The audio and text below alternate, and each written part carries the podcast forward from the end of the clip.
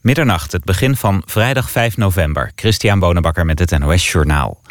De Arubaan Mitch Henriquez, die in juni overleed door politiegeweld... is bij zijn arrestatie gigantisch mishandeld. Dat zei zijn advocaat bij Pauw. Hij heeft het onderzoeksrapport van de Rijksrecherche ingezien... en daarin staat volgens hem dat Henriquez een gebroken strottenhoofd had... en bloeduitstortingen bij zijn slaap, zijn neus en zijn geslachtsdeel. Vijf agenten zijn verdacht in deze zaak, maar zitten niet vast. Het kan volgens de advocaat nog twee of drie jaar duren voordat de zaak begint. Alle onderzoekswensen worden afgehandeld voor de inhoudelijke behandeling.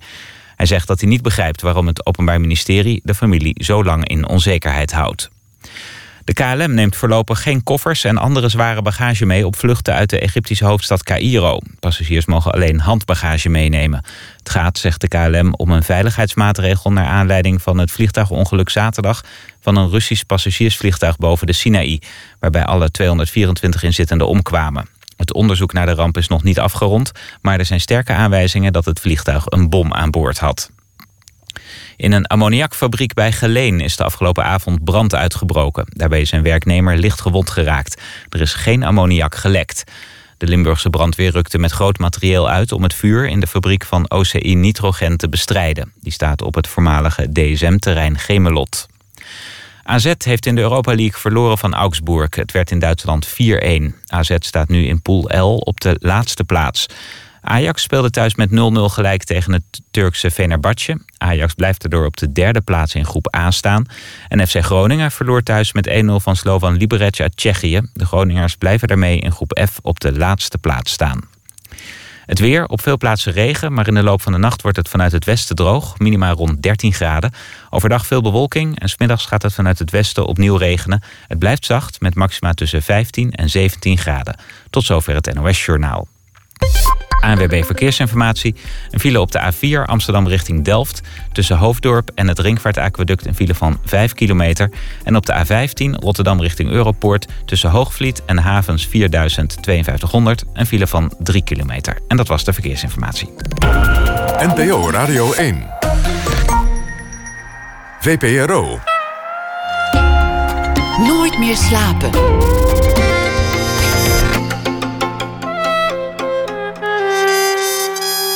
Met Pieter van der Wielen. Goedenacht en welkom bij Nooit meer slapen. Na één uur Arie Boomsma over de poëzie en over zijn nieuwe bloemlezing Ik weet niet welke weg je neemt. Gustav Peek schrijft deze week elke nacht een verhaal voor ons en dat zal hij na ene voordragen. En we gaan het hebben over een kunstmuseum op een afgelegen plek, moeilijk bereikbaar in Congo. Het is nog maar een plan, maar waarom zou je het willen? Dat allemaal na ene. We beginnen met Jacqueline Blom. Volgens Jacqueline is de titel van een nieuwe serie op televisie. Vanaf 9 november, aanstaande maandag, zien. Het is het vervolg van een andere serie, volgens Robert, geschreven door Maria Goos. Jacqueline is de hoofdpersoon die wordt verlaten door haar man Robert na vele jaren huwelijk en een gedeelde artsenpraktijk. Jacqueline Blom, geboren in 1961 in Oegstgeest, is actrice, speelde heel erg veel toneel bij het Rood Theater, Hollandia, Nationaal Toneel. Hele klassieke rollen ook, speelde ook in de serie Penosa, nog steeds, nog steeds op tv te zien, als uh, de kribbige officier van justitie Justine de Heer. Speelde ook in Lunatic als zuster ten Hoeve en Oud Geld als Elise Bussing. Jacqueline Blom, hartelijk welkom. Hallo. Meteen een mooie openingsscène. Een verlaten vrouw, alles wankelt, ligt op de bank, heeft een, heeft een gruwelijke kater. moet, moet een beetje braken. Weet niet wie die man is die, die, die daar dan ineens naast zit. En eigenlijk zie je meteen bij deze vrouw is alles aan het schuiven in het leven. Niks is meer zeker.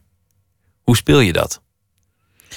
Um, inderdaad, vanuit, uh, vanuit die onzekerheid. Dat, dat, uh, dat alles, uh, al je, je houvast verdwenen is. En, en voor mij grenst dat wel aan, aan waanzin.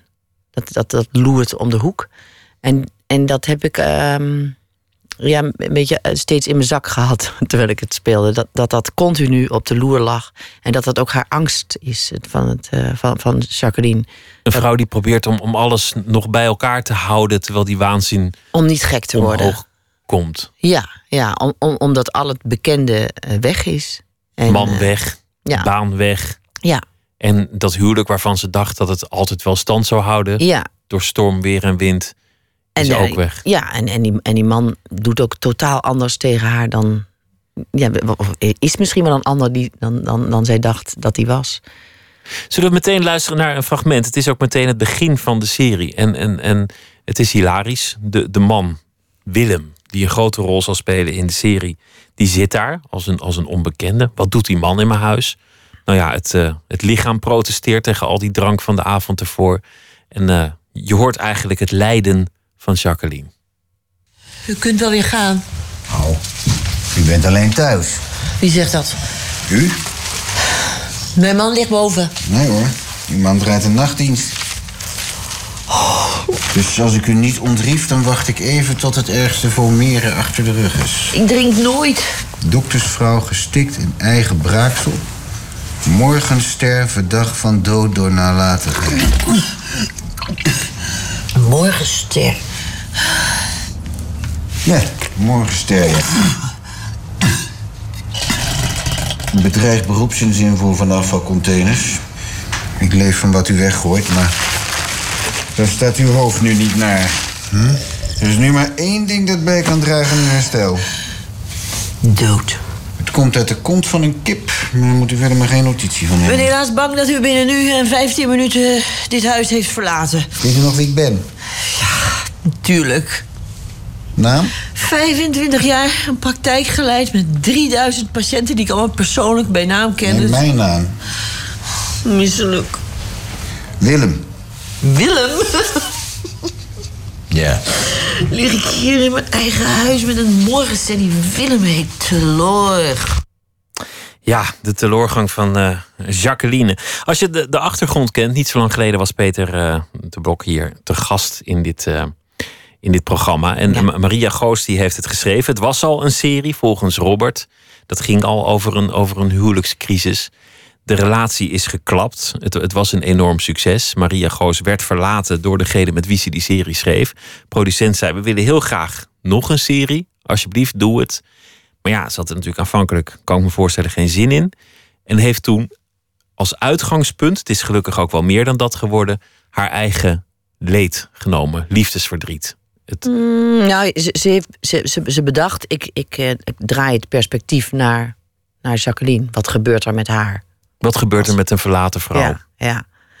Maar ik, eh, ja, natuurlijk heeft ze wel dingen gebruikt, maar ze kon het niet één op één gebruiken, want ze, ja, ze, zij was al in een deplorabele toestand.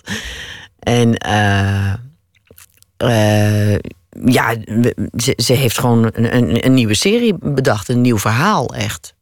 Maar het gaat over de verlaten vrouw. Het gaat over, eh, nou ja, wat gebeurt er met een vrouw die wordt ingeruild Ja. door manlief, Ja. om het maar oneerbiedig te zeggen. Er zit ook wel een klein beetje venijn in. Mhm. En Peter Blok die speelt ook prachtig. Een man die eigenlijk ook wel een beetje een, een, een lul is. Ja. En ook lekker doordraaft.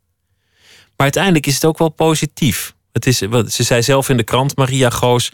ik heb me aan mijn personage kunnen optrekken... want ze, ze, ze, krijgt ook wel weer de moed. Ze komt er beter en sterker uit. Ja, nou ja, maar dat bijvoorbeeld, dat, dat, de, de serie eh, eindigt inderdaad best wel eh, optimistisch. En dat, en, en, en, en dat personage was veel verder dan, dan Maria zelf op dat moment. Dus in die zin is het, is het niet een, eh, een relaas van de werkelijkheid. Het is een, het is een verhaal. Ze wordt verlaten. Ehm, er is ook nog een plan. Namelijk, Manlief heeft besloten dat alles op de schop moet. Het is een echte midlife crisis. En de, de wat saaiige huisartsenpost die wordt verlaten... om, om ergens in een, in een buitenwijk echt noodlijdende mensen te gaan, gaan helpen. Ja, de, De- vrije zorgpost. De vrije zorgpost. Ja. En, en daar, daar komen de meest dramatische verhalen langs... die je in, in je leven kunt, eh, kunt tegenkomen. Ja, ja hij, hij wil er echt toe doen. En, en, en, hij- is ervan overtuigd dat dat op die manier moet. Hoe zou je Jacqueline omschrijven? Ze gaat mee in dat project. Ze Ja. wil trouw blijven aan die man. Ze wil eigenlijk niet zijn wat ze stiekem altijd wel een beetje was, tuttig. En alles onder haar voeten lijkt weg te glijden. Wat voor iemand is zij eigenlijk? Ehm, ik denk dat ze ehm, in, in- ja, in een soort behulpzame mal is geschoten in haar leven. Dus, dus in een soort rol van eh, iemand die het altijd wel zal regelen en die altijd eh, behulpzaam is en een beetje dienend. En daarmee eh, ja, de rest van haar persoonlijkheid ja, verwaarloosd heeft en een beetje vergeten is wie ze dan verder was. Ze is zichzelf gewoon verloren in die relatie. Ja, en ze, en ze, ze- ja, ja, ze hebben een soort samenzijn ontwikkeld, die twee. Waar, waarin zij de, de, zeg maar, een beetje de, de- het, het moederlijke type is en hij een beetje het kind. En daar zitten ze lekker in vast. En dan komen, en dat, dat zijn eigenlijk de pareltjes van, van de serie, van die kleine zinnen. Is er nog wel een ons? Of, eh, of, of dat hij zegt, ja, ik heb hem geloof ik een klap gegeven. En dat dan een huisvriend zegt, interessante ontwikkeling. ja, Het, het is die, die mooi ingetogen humor, maar precies wat je zegt, dat, dat drama zit erin. Die vrouw die probeert alles bij elkaar te grijpen. Alles Ja. wat ze nog kan. En ze vinden. ontkent ook, hè? De- ze, ze, ze, ze wil niet zien dat dat huwelijk afgelopen is. Ze wil niet zien dat hij er eigenlijk niet meer moet. Wat heel pijnlijk is ook om naar te kijken. Want, eh, maar dat is wel zoals wij zijn. Dat, dat je, als jij degene bent die afgedankt wordt, je vaak achterloopt. eh, ja, op, op eh, hoe het er eigenlijk aan, aan, aan toe is. Je, je, je kan dat niet aan. Je, je geest kan dat niet aan. Als je nou, ja, je denkt dat je in een, in een slechte film terecht bent gekomen. Alleen, alleen jij, jij hebt de, de lullige rol, zeg maar. Heb je zelf wel eens acuut liefdesverdriet gehad? Ja, ja zeker. Ja, ja, ik weet wel goed hoe dat is. Ja, Vaak kenmerkt zich dat ook wel. Ik heb het zelf ook wel eens aan de hand gehad. En ik heb ook wel eens iemand opgevangen die bij mij op de bank sliep omdat hij eruit gezet was. Kenmerkt zich vaak door, door totale lamlendigheid. Ja. Die arme jongen op mijn bank, die heeft volgens mij een maand niet bewogen. ik hoefde hem nog net niet te voeren. Ja, ja. nou ja, ik, ik heb wel. Ben, ben, één keer in mijn leven kwam ik bij mijn ouders terecht. Toen was ik dertig. En toen, toen eh, was ik, ja, was ik enorm slecht aan toe. Om, om, ja, omdat ik eh, ja, besefte dat, dat ik niet juist gehandeld had in het, le- in het leven. En, en daar had ik ook een enorme fysieke reactie op. Dat ik echt moest overgeven. En, en mijn vader maakte zich daar wel zorgen over. En die, die, die, die, die heeft mij toen op een gegeven moment gevoerd. Om, eh, om me weer eh, aan, de praat, aan de praat Om je weer aan te laten Ja, sterken. ja, ja. Het moeilijke is natuurlijk hoe je dat in beeld brengt. Iemand die geslagen is. Iemand die, die met angst in de ogen kijkt naar alles wat, wat schuift in het leven. Een van de mooie vondsten vond ik het bijna neurotisch schoonmaken van dingen. De, Ja. de, de, de, de Swift-doekjes. Ja, de Swiffer. eh. Swiffer heet het, ja. Ja, ja. Ja, ja, d- Hoe ontstaat dat? Wie, wie, wie bedenkt dat? daar kwam ik mee. Dat vond ik, dat vond ik een heel mooi. eh, omdat, je- omdat je daar namelijk ook heel erg in op kan gaan in, in het, in het zwifferen. Hè? Dus al dat die- kan je doen, dat, dat kan je ja, ook ja, zien. nou, al die, ja, want je ziet al die stofjes zich verzamelen op dat papiertje. En, en, ehm, en, je, en je bent in feite met iets, iets, iets, eh, ja, iets wat nooit eindigt bezig. Want, want er is altijd weer stof en er is altijd weer stof. En het lijkt alsof het even heel. alsof het voldoening geeft, alsof je het hebt opgeruimd. Maar, dus waardoor het een soort meditatie is. En, het, en, en ze. En, en ze is natuurlijk heel veel. Ze is echt alleen. Er is gewoon niemand meer. En wat doe je dan als je alleen bent? Nou, dat, dan doe je dit soort dingen. Bijna alsof je aan de wereld wil laten zien... Ik, ik heb het onder controle, kijk maar, ik ben aan het zwifferen. Ja, ja, ja. Of je, je raakt de aarde aan, of weet ik veel wat voor eh, dubbelheid erin zit. Ze doet ook hele domme dingen. Dat hoort natuurlijk ook bij de afgewezen minnaar. Ja. Dat, je, dat, je, dat je dingen gaat doen en iedereen kan zien... doe dat nou alsjeblieft niet. Nee. Maar ze doet het wel. Ja. Wat, wat voor dingen doet ze bijvoorbeeld?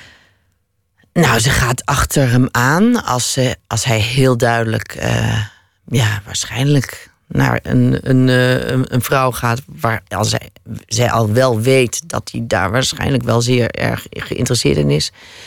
En daar gaat, daar- ze moet dat toch zien. Terwijl je denkt, dat moet je niet doen. Je moet daar niet naar, doe het jezelf niet aan. En dat, dat, dat kan ze niet laten om zichzelf het toch aan te doen. Dat is ook wat jaloezie is. Dat je, dat je dan wil zien wat je niet wil zien. Wil Ja. onderzoeken wat je niet wil weten. Ja, ja. En, en, en, eh, en, en daar, daar zitten hele goede dingen van in de serie. Ook dat ze, dat ze denkt van, nou, ik, ik wil hem gewoon niet meer zien. En vervolgens staat hij in de tuin, want blijkt ze hem te hebben uitgenodigd. Dus ja, ze geeft sociaal wenselijke antwoorden, maar eh, gedraagt zich eh, heel anders. En wordt ook Sternakel dronken, geheel tegen haar gewoonte en traditie. We hoorden net al een beetje het gevolg van die, die drinksessie. En dan gebeurt er iets moois. Iemand wordt, de, de waanzin ligt op de loer, maar iemand vecht er tegen. Dat is al mooi om te spelen. Ja, Een dronken vrouw, die wil natuurlijk laten zien dat ze helemaal niet dronken is. Nee. Nee, kijk mij, ik heb alles onder controle. Kijk mij eens netjes praten, want ik ben nog ja. in orde. Dat lijkt me ook een feest om te spelen. Iemand Dat is het ook. Dat is het ook. Dat vond ik ook heel erg leuk om te doen. Kan niet anders zeggen. Zie ik vaak bij, bij rollen die jij speelt. Mensen die iets willen verhullen. Eigenlijk, eigenlijk wat het meest prominent is, dat wordt juist het meest ingetogen gespeeld. Omdat jouw personages nooit het achterste van een tong willen laten zien. Ja, waardoor ze. Ja, ja, ja. Nou, het is ook omdat ik dat vaak heel grappig vind. Eh, ja. En ehm, mm, ja, ja, dat fascineert mij. Maar dat is ook moeilijk spelen. Ik bedoel, het is verleidelijk, denk ik, om een dronken vrouw zo te spelen dat ze gewoon sternakellam is en dan helemaal voluit gaat. Maar iemand die nog net niet op dat punt is, dat lijkt me moeilijker spelen. Nou, ja, dat weet ik niet. Dat is natuurlijk niet een wedstrijd of zo, wat is moeilijker.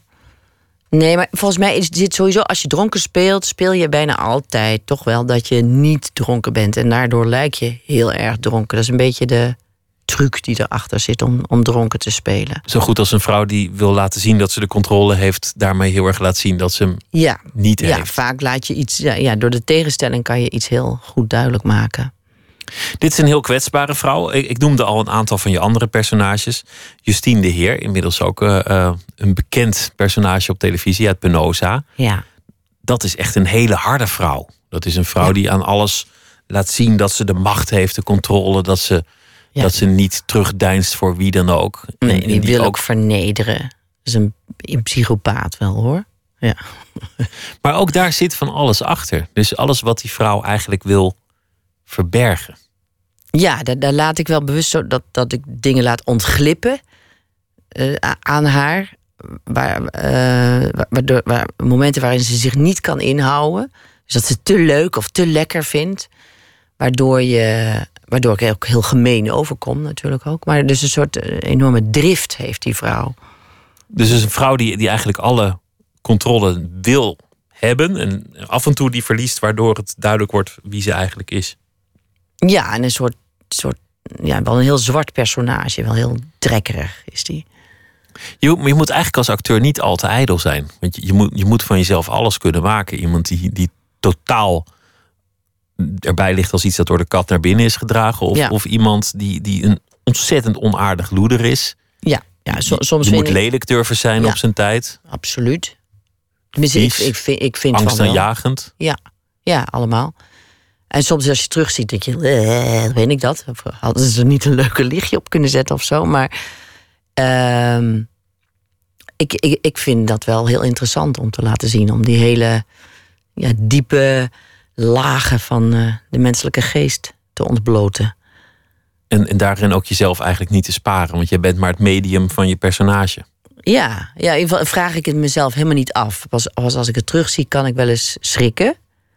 Maar ik, als ik het speel, ben ik daar niet mee bezig. Ik kijk ook heel vaak dingen niet terug om, om, om daar niet te veel mee bezig te zijn. Anders ga ik ook denken van nou, ik wil, eh, ik wil ook mooi zijn. Of, Jacqueline eh, maakte alle fases mee van, eh, van het liefdesverdriet. De, de ontkenning, het verdriet. ehm, maar ja, vervolgens ook de woede natuurlijk. De, de wraakfantasieën. En uiteindelijk krabbelt ze ook op. Maar dan zitten we al eh, ver in, in aflevering 8. En, en tussendoor gebeuren er ook nog allerlei hilarische dingen met deze vrouw. Maakt ze ook echt een persoonlijke ontwikkeling door? Ga je er anders spelen? Ja, ja, ze- ja ze, ze, ze, wordt, ze, ze verandert echt. Ja, ze wordt veel zachter. En leuker daarmee ook misschien. Ja, ja, ja, absoluut. Dus eh, doordat al die zekerheid weg is en, en als ze dat eenmaal accepteert en, en niet meer zo, zo bang is en, en niet meer zo egoïstisch, want verdriet maakt ook heel erg egoïstisch. Dat is wel een van de kenmerken. En dat, dat laten we heel mooi zien in de serie, vind ik. Dat ze dingen niet ziet die je als kijker wel ziet. Want ze kan het er niet bij hebben. Ik bedoel, wat er kinderen nodig hebben, wat haar ex-man eigenlijk bedoelt te zeggen. Dat, Ja, maar ook eh, hele goede vrienden waar van alles mee aan de hand is. Dat, ze hoort ze niet, ze ziet ze niet. Ja, ze, terwijl ze naast haar zitten, maar ze, ze, ze vangt de signalen niet op. En, eh, nou, en, en, en daar, ja, daar, daar gaat ze doorheen. En, en, en volgens mij wordt ze wel een aardiger mens. Ja. We gaan luisteren naar eh, Lana Del Rey met een eh, nummer, een, een oud nummer van heel veel andere mensen. Nina Simone onder andere. Don't Let Me Be Misunderstood. Oh, mooi.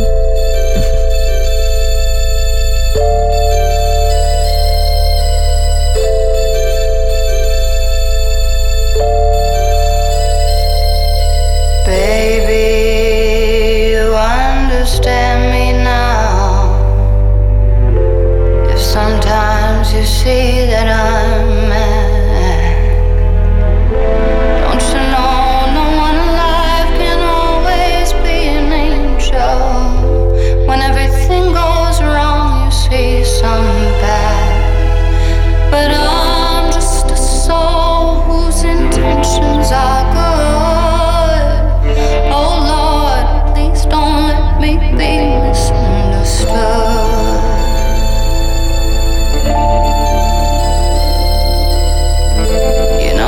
sometimes, baby,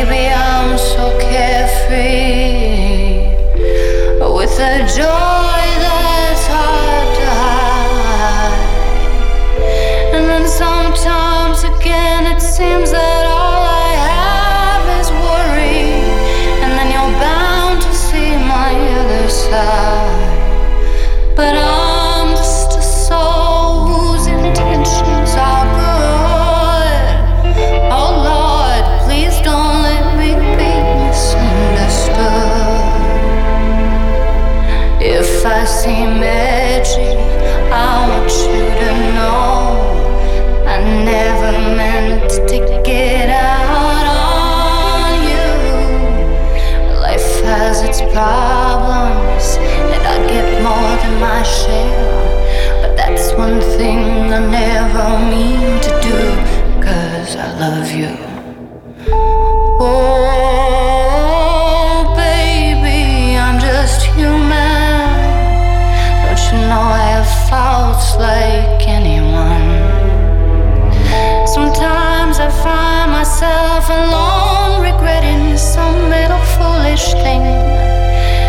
Some simple thing that I've done.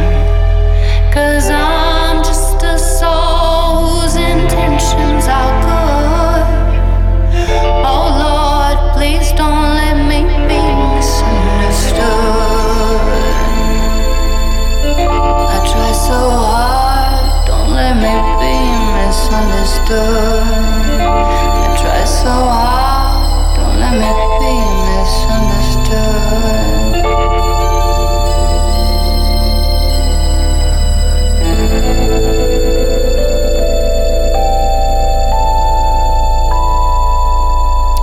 Afsluitende nummer van Honeymoon, het nieuwe album van Lana Del Rey, Don't Let Me Be Misunderstood. Nooit meer slapen en Jacqueline Blom zit tegenover mij. Zij is de hoofdrolspeler in eh, een nieuwe serie volgens Jacqueline, waar we het net over hadden, over een vrouw die alle zekerheden, te beginnen bij de man, van haar ziet afdrijven en vecht tegen de waanzin en alles dat eh, onder haar voeten schuift. En hoe moet ze zichzelf hervinden? Heb je zelf ooit zo'n moment gehad dat je, dat je het echt niet meer wist in het leven, dat je helemaal vast zat? Ja, ja, absoluut. Ja, ja, ja, ja. Dat ik echt ook, ook dacht van, nou, dit is dus de bodem. Zo, Eh, vanaf ja, nu? Soort, ja, een soort nuchterheid ging, kwam er toen ook wel weer over me heen. Ik dacht, nou, dit... maar Wanneer was dat? Hoe oud was je toen? Nou, hij was even kijken, 34 of zo. 4, 35. Toen heb ik het. Ja, het heeft ook al een tijd geduurd, zo meer dan een jaar.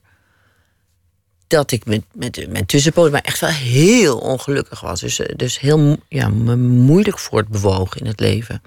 Een paar liefdes verloren misschien? Of, eh, ja, ja, ja. En ook je- wel op een, op een punt komen dat je denkt van... nou, normaal moet je nu wel eh, leuk in de kinderen zitten. En dat zat ik niet. Dat wilde je wel. Ja, dat wilde ik heel graag. En ik, ik vond het ook heel moeilijk om, om zo afwijkend te zijn op dat moment. Ik- voelde me toen wel echt mislukt. In het hele leven. Maar je, je carrière liep toen, toen toch al redelijk florissant. Ja, ja, maar het gekke is dat, eh, dat mocht eh, het verdriet niet drukken. Mocht- mocht de pijn niet drukken. Nee, nee. nee. En in, in hoeverre heeft die crisis je dan veranderd? Als je het een crisis moet noemen. Nou ja, je zei ik heb de bodem bereikt. Dan, dan mag, mag je het wel een crisis noemen, denk ik. Ja. Nou, doordat ik sindsdien wel eh, daar ook niet meer bang voor ben. Om de bodem te raken. Je Ja. weet nu hoe die eruit ziet. Ja, ja, ja. Dus, eh, dat, nou, dat, dat, dat verandert je behoorlijk als je daar geweest bent. En ook dat je weet dat, een heleboel dingen, dat je op een heleboel dingen geen invloed hebt. Wat er gebeurt in je leven. Dus je hebt, je hebt een bepaald beeld van hoe je denkt dat je leven gaat lopen. En dat loopt volgens totaal anders. En loopt misschien zelfs helemaal verkeerd. En, en daar kan je soms iets aan doen. En maar voor een gedeelte kan je daar ook niks aan doen. Je kan ook gewoon heel stom pech hebben. En weet ik wat allemaal. En, en, en in situaties of posities komen dat je een soort overgebleven vrouw, zo voelde ik mij toen, hè. Um, waar ik misschien daarvoor altijd een mening over had gehad, over dat was ik vervolgens zelf. Nou, dat, dat maakt je wel een stuk bescheidener. En, uh, dat klinkt inderdaad alsof het beantwoordt aan een beeld. Een beeld van hoe het leven zou zijn. Met een, met een man, met kinderen, met een liefde, wat, wat dat dan ook weer ja. moet zijn. Ja. ja en dan dus- alles wat niet beantwoordt aan het beeld, dat is dus mislukt. Ja, ja en, en, en, en dan, toen dacht ik van ja, hier, met deze visie kan ik toch ook niet verder. Dus ik, ik zal toch uh, mezelf moeten accepteren en, en, het, en wat aardiger moeten zijn over, uh, over mezelf. Maar nou ja, wat ik zeg, het, het maakt je uiteindelijk dan, van zo'n soort eh, dingen maken je, maken je, denk ik wel, een vriendelijker iemand. Niet zo, niet zo, uh, hoe heet het nou? Niet, niet, niet, zoveel, niet zo oordelend over anderen. En toen hoorde je op de radio een, een hele boeiende landschapsarchitect. Ja. Die iets vertelde over zijn werk en, en, en leven en dromen en ambities. En je dacht, wat een leuke man. Ja, nou, vooral omdat hij dingen zei die. Uh, ik herinner me niet zo heel goed wat, wat hij precies zei. Maar ik weet wel dat, dat hij dingen zei waar ik dacht: zo, dat, die, die durft. Echt tegen de keer in te gaan. En. Uh, waardoor ik, ik. Ja, ik zat op het puntje van mijn stoel in mijn lelijke Nissan Sunny op dat moment. en, en dacht echt van: wauw, dit is, dit is een spannende geest die ik die ik hoor praten. Heb je hem toen geschreven of, of nee. ben je hem tegengekomen? Hoe ja, gaat dat dan verder? Ja, nou ja, ik, ik dacht wel, die onthoud ik, die naam. En toen ik ben wel een beetje, een beetje laffig om me heen gevraagd. En, uh, en gek genoeg kende één iemand hem. Maar daar deed ik vervolgens niet zoveel mee. Dacht, oh, ja. En toen was het gewoon stom toevallig op een dag. Uh, ik zeg altijd uh, de goden, of voor mijn vader zal ik zeggen de engelen, waren mij goed gezind. ik kwam ik hem gewoon tegen. Stom toevallig. Op een, op een feestje, een receptie? Nee, op, op, na afloop van een voorstelling van, voor, voor Hollandia. In een, uh, uh, en, en na afloop moest ik hem uh, even praten namens Hollandia met een met filosoof, Henk Oosterling. En er zat een, een, meneer naast, dus ik stelde mij voor en hij stelde zich ook voor. En toen dacht ik, fuck. Dat is hem. dat is hem. Dus, dus daardoor was ik wel keek ik anders naar hem dan, dan ik anders denk ik naar hem had gekeken. Nou, toen raakten we in, in, een heel boeiend gesprek. En nou, dat is nooit meer opgehouden. De, de, vader van je kinderen, hij ja. had al een kind. Jullie hebben er, hebben er nu uh, drie dus in totaal. Ja, ja, nog twee gemaakt, ja. Je bent geboren in 1961 in Oegstgeest. We hebben dezelfde geboorteplaats, staat ook in mijn paspoort. Ja. Ik kan er verder niet heel veel boeiends over vertellen, over, over Oegstgeest. Maar het is natuurlijk toch ook het dorp van, van Jan Wolkers en terug naar Oegstgeest. Het, het steile Oegstgeest. Je hebt ook nog het nette Oegstgeest. Ja. En kan heel veel dingen vertellen over Oegstgeest. Dat het ook nog de, de beste plek in Nederland is om op te groeien. Volgens een onderzoek van twee jaar geleden. Is dat zo? Ja, las ik ook maar in de krant. Dacht Oh. ik, nou heb ik weer. Ja. Steek in mijn zak. Ja. Jou- jouw vader was aanvankelijk dominee, maar, maar niet meer praktiserend. Hoe zat Nee, dat? niet in Oegstgeest. Nee, die, die was in, in Noord-Holland, is die dominee geweest. In Opdam, Spanbroek en Opmeer. Drie gemeentes. En dan reed hij met zijn chevaux Heen en weer om het, om het woord om te overal vertellen. ja, te preken. En wij woonden in zo'n ja, zo'n klassieke eh, pastorie naast een kerkje. Zo. En dat volgens mij op een soort terpje. Maar nou, in, ieder geval, in mijn gedachten lag het een beetje, lag in ieder geval los in het landschap. En eh, nou, daar hebben we tot mijn zesde gewoond. Dus toen ging ik ook naar zo'n zo'n lagere school waar je drie klassen in één lokaal had. Zo echt heel, eh, heel ouderwets. Nou, en toen verhuisden we dus naar Oestgeest, naar een nieuwbouwwijk. En eh, toen na een, tijdje, toen, toen wilde hij stoppen met, eh, met, met alleen maar dominee zijn. Hij wilde zich specialiseren in het praten met mensen. En eh, toen vond hij een opleiding in Amerika. En daar is hij, naar, is hij met ons naartoe gegaan. Heeft het hele gezin ingepakt. Zijn we een jaar naar Amerika geweest in, in Kansas, midden in Amerika. En daar is hij een opleiding tot pastoral counseling is hij daar gaan volgen. Dus dan, dan ben je meer iemand die geestelijke bijstand verleent aan, aan mensen of zo. Nou ja, als je, als je heel gelovig bent en je hebt, overkomen je dingen, dan heb je een ander probleem dan iemand die niet gelooft. Want je hebt ook een probleem met, met God misschien wel. Dus je hebt een ander gesprek. En je, en dus ook een andere gesprekspartner nodig om, ja, om daar eventueel vrede mee te krijgen of niet. Was het, was het een strenge omgeving? Omdat je, dat je zei, ik had zelf eigenlijk aanvankelijk best wel een, een stringent beeld van hoe de wereld in elkaar zat en hoe mijn leven in elkaar moest zitten. Was, was dat er thuis ingegoten?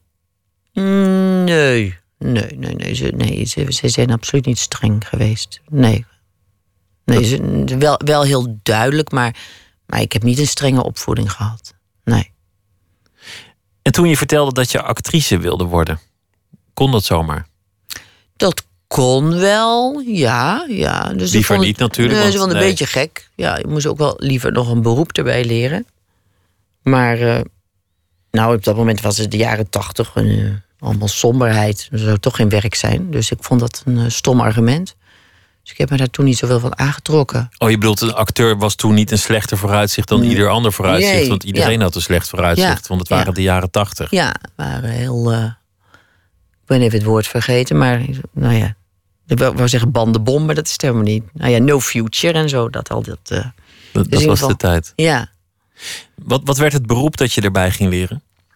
dat ging ik niet leren. Dus oh, ik, je hebt, eh, je hebt er niet aan gehoorzaamd. Nee, nee, totaal niet. Over, niet ook nooit over nagedacht. Ik, ik, Waar- waarom wilde je dat eigenlijk? Hoe, hoe was dat in je hoofd opgekomen?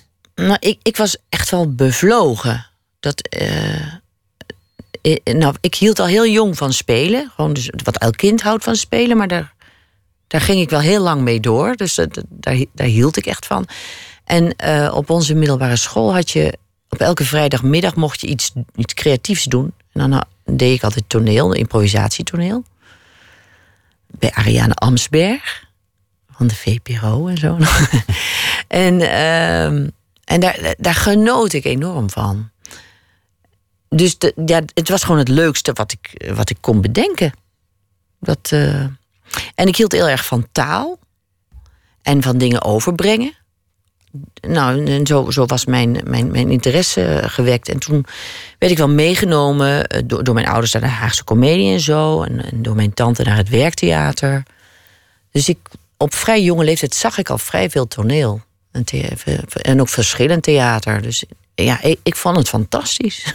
We, we hebben het net gehad over, over een aantal rollen die je recent hebt gespeeld. Eh Penosa en, en eh, volgens Jacqueline en volgens Robert. Heel lang in je loopbaan waren het heel ander soort rollen. Ik bedoel, je, je hebt alles gedaan. Ik zou je tekort doen als ik het alleen daarop zou pinnen. Maar het waren juist heel lang de, de grote klassieke rollen. In, in de mooie klassieke toneelstukken die je deed. Jij weet Nationaal Toneel, ja. Ja, eigenlijk, eigenlijk een, een ander soort loopbaan dan je nu lijkt te hebben. Als, als je kijkt naar de eerste decennia van je, van je acteren. Ja. Ja, en nou, ik vond, ik vond het ook heel leuk eh, om eerst gewoon heel veel theater te spelen. Om, om eh, ook, wel, ook wel traditioneel theater, om dat heel goed onder de knie te krijgen. En toen vervolgens vond ik het heel leuk om, eh, ja, om meer bij de spannendere gezelschappen te zitten. En dat heeft me ook jarenlang gefascineerd. Ook eh, zoveel vormen van theater die er zijn. En ook dat je, ja, dat is oneindig. En, en nog is de ontwikkeling in theater is, is, is heel interessant, vind ik. En, en, eh, en, ja, en fantastisch. Ja. Maar je hebt ook alle hoeken nu bijna wel gezien. Van, van vrij klassiek uitgevoerd eh, Shakespeare of Chekhov... tot, Ja. tot aan het, het allergekste theater... dat het Rood Theater bij elkaar kan schrapen... tot, Ja. tot de meer artistiek experimentele dingen... tot, Ja. tot ontzettend komische dingen... tot, tot rollen waar iedereen eh, nou ja, snikkend de zaal verlaat. Je, je hebt nu inmiddels volgens mij alle hoeken wel gezien Ja, van nou, het vak. ja, ja, maar ik wil nog wel veel meer comedie doen. Dat is wel eh, een hele grote. Want het raar is, ik was op, op de toneelschool, kon ik dat al heel goed. En toen mocht ik dat vervolgens eigenlijk niet doen, omdat ik het al goed kon. Dat is heel eh Hollands, vind ik. Oh, dit kan je al, dat mag Ja, je niet meer doen. Dat mag je niet meer doen. En dat ging ik dan zelf ook geloven. Ik dacht van, oké, dat kan ik al, dus dat moet ik niet meer doen. Tot ik op een gegeven moment dacht, ja, maar nou heb ik het vervolgens veel te weinig gedaan in mijn leven. Terwijl ik het heel goed kan en heel erg leuk vind om te doen. Dus, dus dat is wel nu een, eh, een missie. Ja, vervolgens sta ik volgende, week, volgende maand in de Gijsbrecht. Dat is helemaal niet grappig. Maar het is wel, het is wel wat ik graag wil. Uh, dat is gek met, met acteurs en actrices... Dat, dat de komische rollen vaak door het publiek als lichter worden ervaren... en, en vaak ook door, door recensenten als lichter worden beoordeeld... terwijl eigenlijk maar heel weinig mensen het echt goed kunnen, komisch ja, zijn. Ja, is enorm onderschat. Ik vind dat ook, eh, ook vaak in recensies dan bijvoorbeeld ook bij de Coen Brothers of zo, de, twee grootheden. Ik weet dat die film Fargo had gezien en dat vond ik dat is een fantastische film en dat ze dan een beetje als uh, lollig af, afdeden is en ik echt denk van hoe en, oppervlakkig zelfs, terwijl er een hele mooie scherpe maatschappijkritiek in die film in die in, in allerlei scènes zit. En ja, dat, ik, vind, ik vind dat onbegrijpelijk. Dat, dat, uh, dat mensen niet zien wat er nog meer achter humor schuil kan gaan. Ja, er gaat heel veel achter. Drama achter ook en, en ja. Nou ja, hele persoonlijkheden die binnenste buiten worden gekeerd. Ja. ja, je kan heel veel vertellen door middel van humor. En dat, en, en, dus, dus ik kijk ook veel over de grens om, om aan mijn trekken te komen. Als, uh... Voor inspiratie bedoel je? Nee. Ja, ja, maar ook wel gewoon uh, nou, Louis C.K. of Amy Schumer of noem maar op. Daar kijk ik echt wel veel naar. Om, om, wat die bloot durven te leggen de hele tijd, dat, dat vind ik heel interessant. Het mag ook wringen. Volgens Jacqueline, de, de serie, ik, ik heb maar twee afleveringen kunnen kijken, maar op bepaalde vlekken, plekken wringt het echt, schuurt het. Is het, is het pijnlijke humor? Ja. Het, het gaat ver, het gaat diep. Het is, het is nooit de zoete lach waar je naar op zoek bent.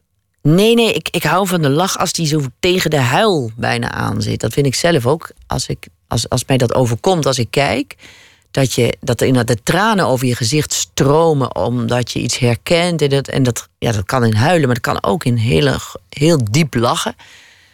Daar, daar vind ik een, een, e, e, iets heel essentieels van het leven zit, zit daar voor, voor mij. Dus, ja, dus zoek ik dat ook heel graag op in, in het spelen. Je zei net dat je, dat je eigenlijk halverwege de dertig in je, in je persoonlijk leven dacht de bodem bereikt te hebben het, ik ben mislukt, het zal niks meer met mij worden. Ja. Het lijkt er ook op alsof je in je professionele leven op een zeker ogenblik het roer hebt omgegooid. De, de vaste banen eraan gegeven. Je bent nu volledig zelfstandig. Je, ja. je hobbelt van rol naar rol. Je zat lang vast bij een gezelschap. Dat ga je volgens mij niet zo snel meer doen. Nee, nee, nee. Ik vind bij een gezelschap ben je toch te veel in dienst van. Wat mooi, eervol en leuk kan zijn, maar Misschien ja, niet altijd spannend. Maar het maakt je erg afhankelijk. En, en daar, uh, daar had ik echt, uh, daar heb ik heel erg genoeg van. Dat, uh, daar heb ik geen zin meer in. En die komische rollen, heeft het ook te maken met een soort, soort wending in je denken? Ja, want de, zeker bij het gesubsidieerd toneel is men daar heel huiverig voor. Voor, voor, voor de lach? Ja, ja, absoluut. Dus, dus nou, behalve bijvoorbeeld Pieter Kramer, die, die is er natuurlijk fantastisch in. Wat, wat hij maakt. Maar, uh, maar het zijn er ook niet veel die het kunnen. Niet veel regisseurs. Die dat, je moet zelf natuurlijk ook wel veel gevoel voor humor hebben om, om, het, uh, om, het, om, om het te kunnen maken. Maar ja, raar genoeg zit dat meer in de vrije sector. Die, uh, de lach. Meer de vrije sector dan, dan bij het, ja. het serieuze toneel, ja. Gek, gek dat dat zo uh, ja, is ontstaan. Ja, ja. Dus ik denk ook een beetje Nederlands of Europees, ik weet het niet. Ja. Ben je een laadbloeier? Ja, dat wist niet aan mij, toch? Nou, ik bloei al een... Bloei al mijn hele leven. ja, ik weet het niet. Nou, daar lijkt het een beetje op. Als je zegt, ik, ik had mijn bodem bereikt op mijn 35ste. Ik, ik heb nu meer mijn rol gevonden. Omdat, omdat ik niet meer aan een gezelschap vastzit. Ja, ja nou, ik, ik, ik vind wel laat het wiel uit bij, bij veel dingen. Dus dan denk ik eerst dat je dus vaak dat ik via een soort gebaand pad moet lopen. En dan blijkt dat voor mij toch niet het juiste pad te zijn. Dat dat wat, uh, wat, een wat, wat merkwaardiger paadje is wat ik moet volgen. En dat moet je zelf vinden, omdat het nou eenmaal niet het grote pad is. Ja, en ik loop ook iets te lang vaak in dat, op, dat, op dat andere pad door. Dus ik ben een beetje traag van begrip. Je hebt uh, borstkanker gehad op, op een zeker ogenblik. Ja. Wat heeft dat veranderd? Een leuke overgang. Ja. Uh, ja, nou, dat is nog zoiets. Dat, dat, denk je ook van jezelf. Dat, jou, dat overkomt iedereen behalve jijzelf. En, en dan zit je opeens in, in, in, in een kamer met artsen en uh, een gesprek te voeren waar je denkt van, nou, ik, ik had alsmaar een neiging om weg te lopen. Van je hebt de verkeerde voor je. Ja, ja. En ik, ik ik, niet. wilde gewoon, ik wilde ook gewoon niet in deze rol van, van zieke, van eh, zelfs eh, gevaarlijk zieke. Maar dat, ja, het, het was toch echt zo. Dus ja, dat, dat verandert op zo'n moment heel veel. Je moet opeens enorm aan de bak eigenlijk. Je, je- want ik was, een, ik was ook heel jong. Mijn, jongste kind was, was net geboren. Dus, dus ik had de verantwoordelijkheid over, over jonge kinderen. En, eh, en, en iedereen om me heen was natuurlijk enorm angstig. Want ja, het, het, het zag er niet zo best uit in het begin. En ehm, ik kwam erachter dat ik degene moest zijn die sterk was. Dat kwam ook wel, mijn, tante heeft mij dat ook wel geleerd. Die, heeft zelf heel veel meegemaakt. En die, en die, die zei dat ook tegen mij: van jij, jij moet nu de leiding nemen. En dat was een hele goede raad die ze me gaf. Om, om, om, dat was ook zo. Ik moest laten zien: het komt goed. Terwijl ik helemaal niet wist of het goed zou komen, maar toch moest ik aangeven. Maar, maar jij bent dan zelf ook heel erg geschrokken. Je, Ja. je bent zelf ook in paniek. Je hebt, je hebt troost nodig. En tegelijk komt dan de gedachte op dat jij de anderen Ja, er doorheen moet dat is denk ik vaak in dat soort situaties. Dat dat, dat zo is. En hoe is je dat gelukt? Nou, door dat gewoon maar te doen. En, en, en, en soms weet ik niet. Ik had wel ik had, veel hulp van mensen, want er zijn best wel veel mensen die veel weten over hoe je daarmee om moet gaan. En de, en de, dus er waren mensen die mij hele goede adviezen gaven. Van hoe je met de angst om moest gaan. Dat je daar dan maar tien minuten per dag aan moest denken. En dat, dat was Medisch Saks die me dat gaf. Die, die leeft inmiddels niet meer. Maar, dat, maar die zei van je moet niet langer dan 10 minuten per dag eraan denken, aan die hele ziekte. Want ze zeggen je kan er eh, langer dan dat heeft geen zin, want je kan er niks aan doen. Als je de dood, eh, over de dood is ook niet interessant, want nou, als je nog. Eh, eh, Daar heb je nog lang genoeg voor als je. eh, als, als eenmaal de, Als het zover is, dan Als- heb je, heb je ja. heel veel tijd. Ja. dus het heeft geen zin om erover na te denken. En dus je moet je, je geest afleiden. En, en, ze- en daar- moet je alles voor gebruiken wat er maar is. Je pakt de libellen, noem maar op, om maar niet te denken aan, aan die ziekte. En dat, dat, dat heb ik heel consequent eh, uitgevoerd. Ook die tien minuten per dag heb ik heel Het consequent. vergt enorme discipline volgens ja, mij. wer- ik, dat werd ik. ook. Ik werd er ook een soort. Ik was een soort eh, eh, soldaat wel. In die zin. Dus heel, heel strak daarin. Wist je dat van jezelf, dat je zo sterk was? Dat je nee, zo dat wist ik totaal was? niet. Dus ik, ik dacht daarna ook van, nou, je, je kan mij echt wel om een boodschap sturen hoor. Ik ben geen, geen tutje. Ben je dan ook gaan nadenken over, over je sterfelijkheid, over, over de tijd die je nog hebt op aarde? Het zijn bijna clichés, maar ik kan, ja, ik kan me voorstellen dat je toch even nadenkt: oh, wat als dit het was, wat als het misgaat? Nou, eh, over mezelf was, was ik niet zo dramatisch. Dan dacht ik van, ja, nou, een beetje bijna van, nou, pech, zo. Maar ik, ik vond het onverdraaglijk voor mijn kinderen. En want dat is ook onverdraaglijk als je jong je moeder verliest. Dus dat, ja, Dat, voelt, dat klinkt bijna als schuldgevoel. Dat je denkt: ik kan het niet maken tegenover mijn kinderen. Ja, om- ja maar je, hebt helemaal niks te zeggen natuurlijk. Hè, want Nee, eh, daar waren we het al vast over mensen die, die, die, ja, die in een andere situatie zitten. Dus, eh, dus want dat, dat lijkt namelijk als- alsof je iets te kiezen hebt. Maar je, je hebt niks te kiezen. Je hebt alleen maar ja, een manier om ermee om te gaan. En, en, en, en gelukkig eh, ja, liep het go- goed af voor mij. Je laat de, de, de gehavende borst ook zien in, Ja. in de serie. Er, er zit een scène in waarin nou ja, de, de actrice moet naakt. Dat, dat hoort bij het werk. Maar er komt dan als extra pijnlijkheid die, die beschadigde borst bij. Ja, dat hebben Marie en ik samen bedacht. Want Marie heeft ook, eh Maria Goots heeft ook eh, borstkanker gehad. En eh, ik, ik, ik vond het zelf wel goed. Want als je, als je boven de 50 bent of zo, dan je, je hebt gewoon een aantal dingen meegemaakt. En dat zijn ook gewoon, het zijn littekens op je ziel, maar ook littekens in je, aan je lichaam. En, ehm, en dat is op het moment dat ze dat aan een, aan een man laat zien van dit ben ik. En, en, en, dan, dan ben ik dat ook. En, en ja, ik, ik, vond, ik, ik vind dat wel eh, gewaagd. Want dat is het namelijk echt. Maar ook wel als tegengif tegen alle, alle plattes eh, ja, e- esthetiek die we om, ons, eh, om onze oren ge- ge- gegooid krijgen. Vond ik het eh, goed om, om iets anders te laten zien. Het is ook echt. Ja, ja, Dat is wat het leven is. Dat, Ja. dat is ook hoe borsten eruit zien. ja, ja, ja. Ja, en het, het ziet er niet heel raar uit, omdat ik heb niet zo'n heel afgekloven borstje of zo. Dat valt wel mee. Maar dat was wel een scène toen ik die terug was, zag. Toen dacht ik, oh god, wat ben ik gek om dat te doen. Maar Wat doet het voor de rol? Want het- gaat over een verlaten vrouw bij wie alles wankelt. En dan, dan komt ineens dat litteken ook nog tevoorschijn. dat ze dat durft. Dat ze durft, dat ze de moed heeft verzameld. Ja, maar je bent echt wel een tough cookie hoor, als je dat durft. Als je, als je dat, eh, ja, dan ben je echt wel heel, eh, heel ver, vind ik. Precies wat je over jezelf hebt ontdekt. Dat je toch gewoon een tough cookie bent. ja, ja. Ja, ja, en ik, ik weet niet, eh, ik denk niet dat ik zo rustig zoals zij dat laat zien. Hè. Dat, eh, zij laat het heel rustig zien. Ik, denk dat, ik, ik weet niet hoe ik, hoe ik zou hebben gedaan, maar eh, Nou ja, je hebt het ook in feite wel gedaan. Ik bedoel, het was, Nou jou- het was jouw lichaam. Je, je was een personage, ja, maar ja, ja, ja, ja, ja, ja, ja, je op die manier. toch ja, zelf. Ja, ja. ja, nou ja, maar dan, dan ja, ik zit me dat dan ook niet te veel af te vragen, want dan, dan zou ik het ook niet meer durven, denk ik. Dus dat is heel gaar met acteurs, dat je, je kan die knop omzetten. Je bent het niet. ja, ja. Laten we luisteren naar eh, muziek. Een eh, zijprojectje van de, de voorman van The National. LV is de naam waaronder die dat doet. En het eh, nummer heet Careless.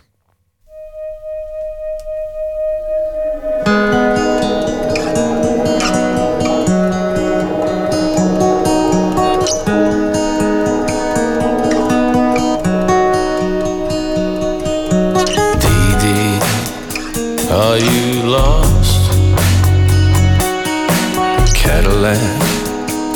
for your thoughts. Where do you go? I don't wanna know. Don't be careless with me yet.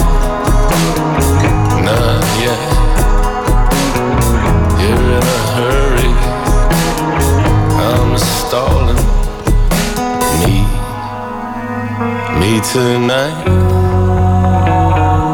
You can drink while I drive. Don't be careless with me yet. Not yet. I'm staying under rules. Don't know what we're waiting for. People like us don't ever switch. Our videos from scene But I've been wanting you so long. I really don't know what to do. I don't know what you want from me.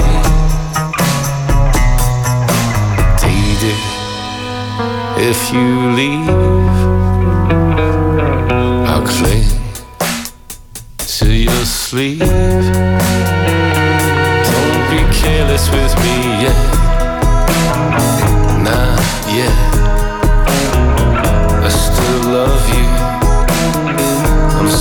Falling. Don't know what we're waiting for. People like us don't ever switch. Our videos from scene to scene. But I've been wanting you so long. I really don't know what to do. I don't know what you want from me.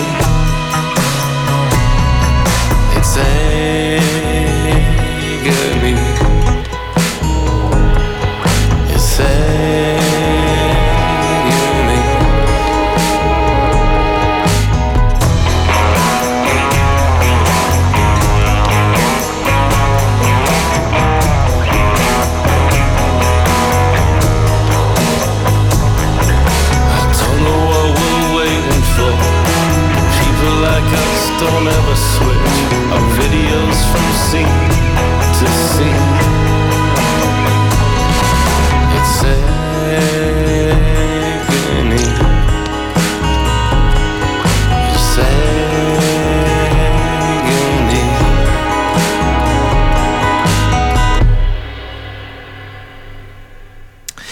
LV was dat. En het nummer heet Careless. Jacqueline Blom. We hebben het over eh, onnoemelijk veel dingen eigenlijk al gehad. Van, eh, van, van liefdesverdriet tot eh, het ontmoeten van een man en het krijgen van kinderen. Tot alle rollen die je hebt gespeeld en de veranderingen in je, in je carrière. De 50 voorbij, maar ja, volgens mij is, is dat eigenlijk niet zozeer een kwestie voor jou. Oud Nee. worden van, oh, nu ben ik voorbij de 50, hoe moet het nou? Nou, heus wel een beetje hoor. Kijk Toch ook wel wel? eens in de spiegel. Jawel. Jawel. Maar het is niet iets wat me heel erg boeit. En ehm, tenminste, dat gedoe aan gezichten en lijven en zo. Dat, eh, Vooral voor actrices is dat eigenlijk toch altijd een, een soort gedocumenteerde angst. Van, van wat als ik niet meer jong ben, wat als ik, wat als ik Ja, ja, daar hebben ze ook gevraagd gelijk word in. voor de oude vrouwenrol. Wat, Ja. wat- hoe moet dat nou? Nou ja, je wordt ook voor een heleboel dingen niet meer gevraagd. Dus, dus ze maken zich er terecht eh, zorgen over. Alleen je lost het niet op door, door botox en zo. Je, wordt gewoon toch uitgerangeerd om het even heel. eh, Ja, dat klinkt misschien gek, om, omdat ik nu zo, zoveel in de aandacht ben. Maar het is wel zo dat je na je 35ste, of 40ste, eh, de rollen heel anders worden. Eh, ik weet, vroeger zei Dora van der Groen, dat je beroemde Vlaamse actrice. Die zei van ik, ik, eh, ik ben teruggebracht tot een koffiezetapparaat in elke film. Wilt u nog koffie? Wilt u nog een kopje koffie? Dat was haar, ja, dat zijn vrouwenrollen vaak. Dat zei ze schertsend. Maar. En, en, en dus vo- voordat ze tot, tot koffiemachine zijn, om het even gechargeerd te zeggen, dan, dan zijn ze het, het, het, eh, het liefdesobject in verhalen. En als dat klaar is, of tenminste, dat vindt men dan vanaf een bepaalde Ja. leeftijd klaar, dan, eh, dan worden de rollen een stuk minder interessant. Dus, dus dat, dat, dat veel actrices zich daar zorgen om maken, dat, dat is ja, heel begrijpelijk. Terwijl bij de mannen, Ja. die, die, die, die, vooral in Hollywood, die worden ouder en ouder. En, en die worden maar charmanter gevonden. En, Ja. En, en de, de Clint Eastwoods en Ja. de... En die gaan ook rustig, dan zie je ze 70 en dan gaan ze met 20-jarige a- actrices hebben ze het. En nog een actierol terwijl ze de, de 70 Ja. ruim gepasseerd zijn. Het mag allemaal Ja. voor, voor de man. Ja, ja, is heel oneerlijk en ook heel irritant. En eh, waar ik echt ho- hoop dat dat gaat veranderen, omdat het stomzinnig is. Ik kan het niet anders zeggen. Stomzinnig om de vrouwen voorbij een zekere leeftijd altijd maar dezelfde soort rollen te geven. Ja, en ook om, om- waarom zou het oninteressant zijn en waarom zijn ze minder spannend om naar te kijken? Dat is, dat is ook gewoon helemaal niet waar. Dus, eh, maar het is echt belachelijk hoor. Dus je, echt, je ziet eh, psychiaters die door actrices van 25 worden gespeeld. Die, die, joh, je kan helemaal geen psychiater op je 25ste zijn. Dus, eh, het is gewoon, ja, het is, het is, het is jammer voor, voor het drama ook. Jammer voor de verhalen.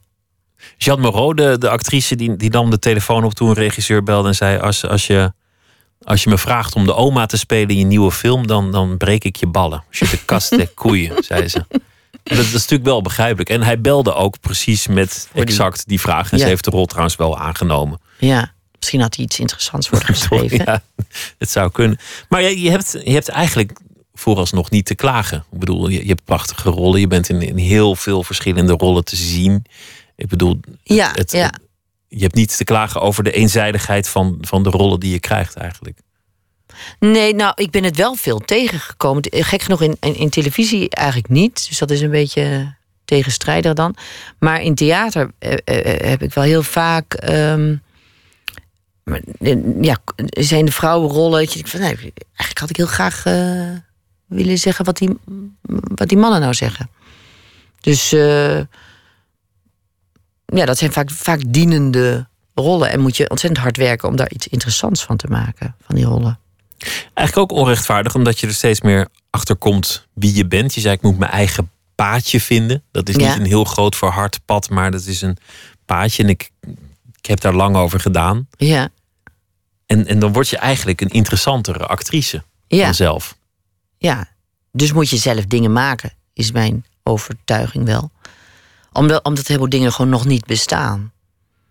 Dus, eh, dus moet je. Nou ja, of, of ik heb nu net een enorme mazzel gehad dat die eh, serie eh, zomaar tevoorschijn popte. Nou ja, je, je liet gaandeweg ook wel blijken dat je opvattingen hebt over, over wat mooi drama is. Waar, Ja. waar het lachen ook pijnlijk mag zijn, waar het drama ook komisch mag zijn. Ja, Wat af en toe ook schuurt. Moet Ja. niet allemaal gemakkelijk zijn. Je zei, kijk, kijk graag naar Louis C.K. en andere inspiratiebronnen uit het buitenland. Want, want ik weet waar ik van hou. Als het een beetje wrang is misschien. ja. Niet, ja niet te braaf. Nee, helemaal niet. Nee, en, nee, nee, en, en dat zie ik over het algemeen in, nu in Amerika meer gemaakt worden dan eh, hier. Hier is het wat vertut misschien. Ja, behoorlijk. Behoorlijk vertut. En een beetje, ja, ja veel, veel, veel tuttig eh, drama. En waar, waar heel weinig aan de hand is. Dat je denkt, waar, waar gaat dit nou eigenlijk over? Wat vertelt mij dit? Na je ziekte kwam je erachter dat je een tof cookie was, want jij moest het doen. Ben je daarna ook anders gaan, gaan leven? Ik bedoel, heb je meer ehm, oog voor het belangrijke en minder voor de details? Of, of kan je je niet meer druk maken over dingen waar je de, daarvoor wel druk over maakte? Nou, ik kan nog wel net zo stom zijn als ik uh, Wat je was. daarvoor was. Ja. Gelukkig maar. Ja, dus je hebt wel een tijd lang dat je, dat je heel heftig alles voelt, maar dat, eh, dat verdwijnt gewoon na een tijdje. Word je weer net zo eh, stom als iedereen. Vind ik ook verstandig. Je moet je ook druk maken over dingen die er feitelijk niet toe doen, toch? Over, over, ja, we over kunnen niet anders. Eh, toch? Dus we zijn maar heel beperkt. Dus bij mensen. Dat is, dat is nou eenmaal wat we doen. We knoeien. We doen ons best. En dan. Het, is, het is heel. Wat mij bijvoorbeeld heel erg intrigeert, is het doorkrijgen hoe mechanismen werken en, en systemen waar we in zitten.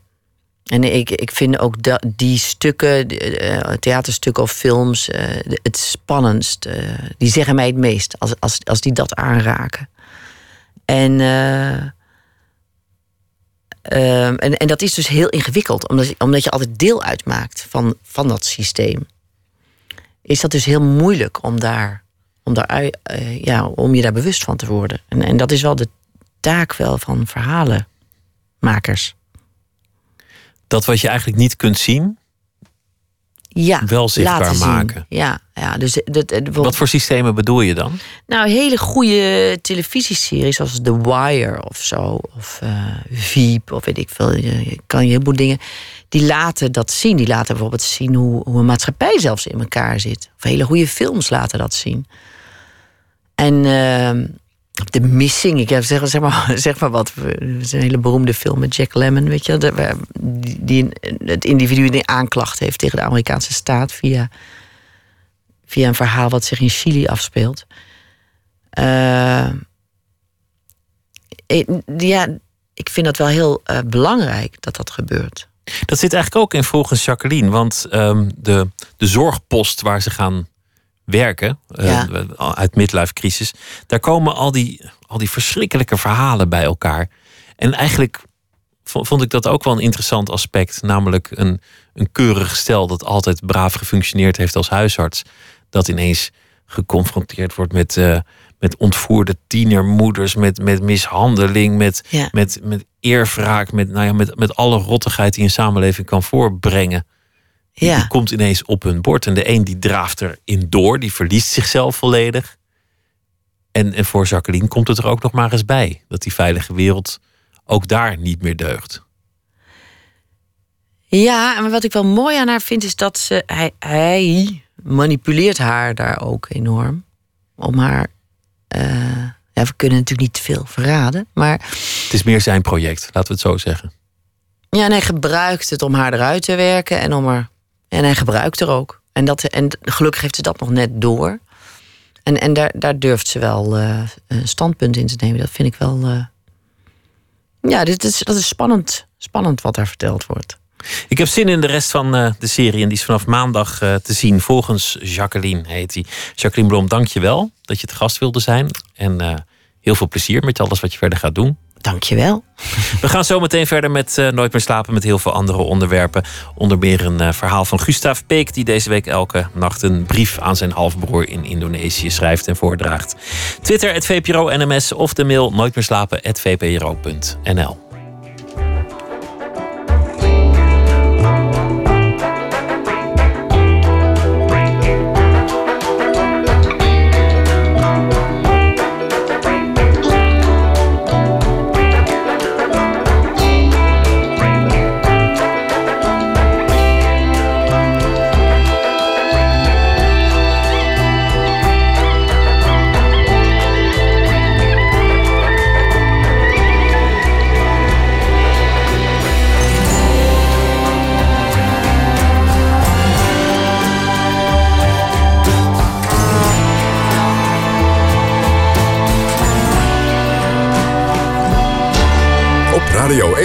Het nieuws van alle kanten.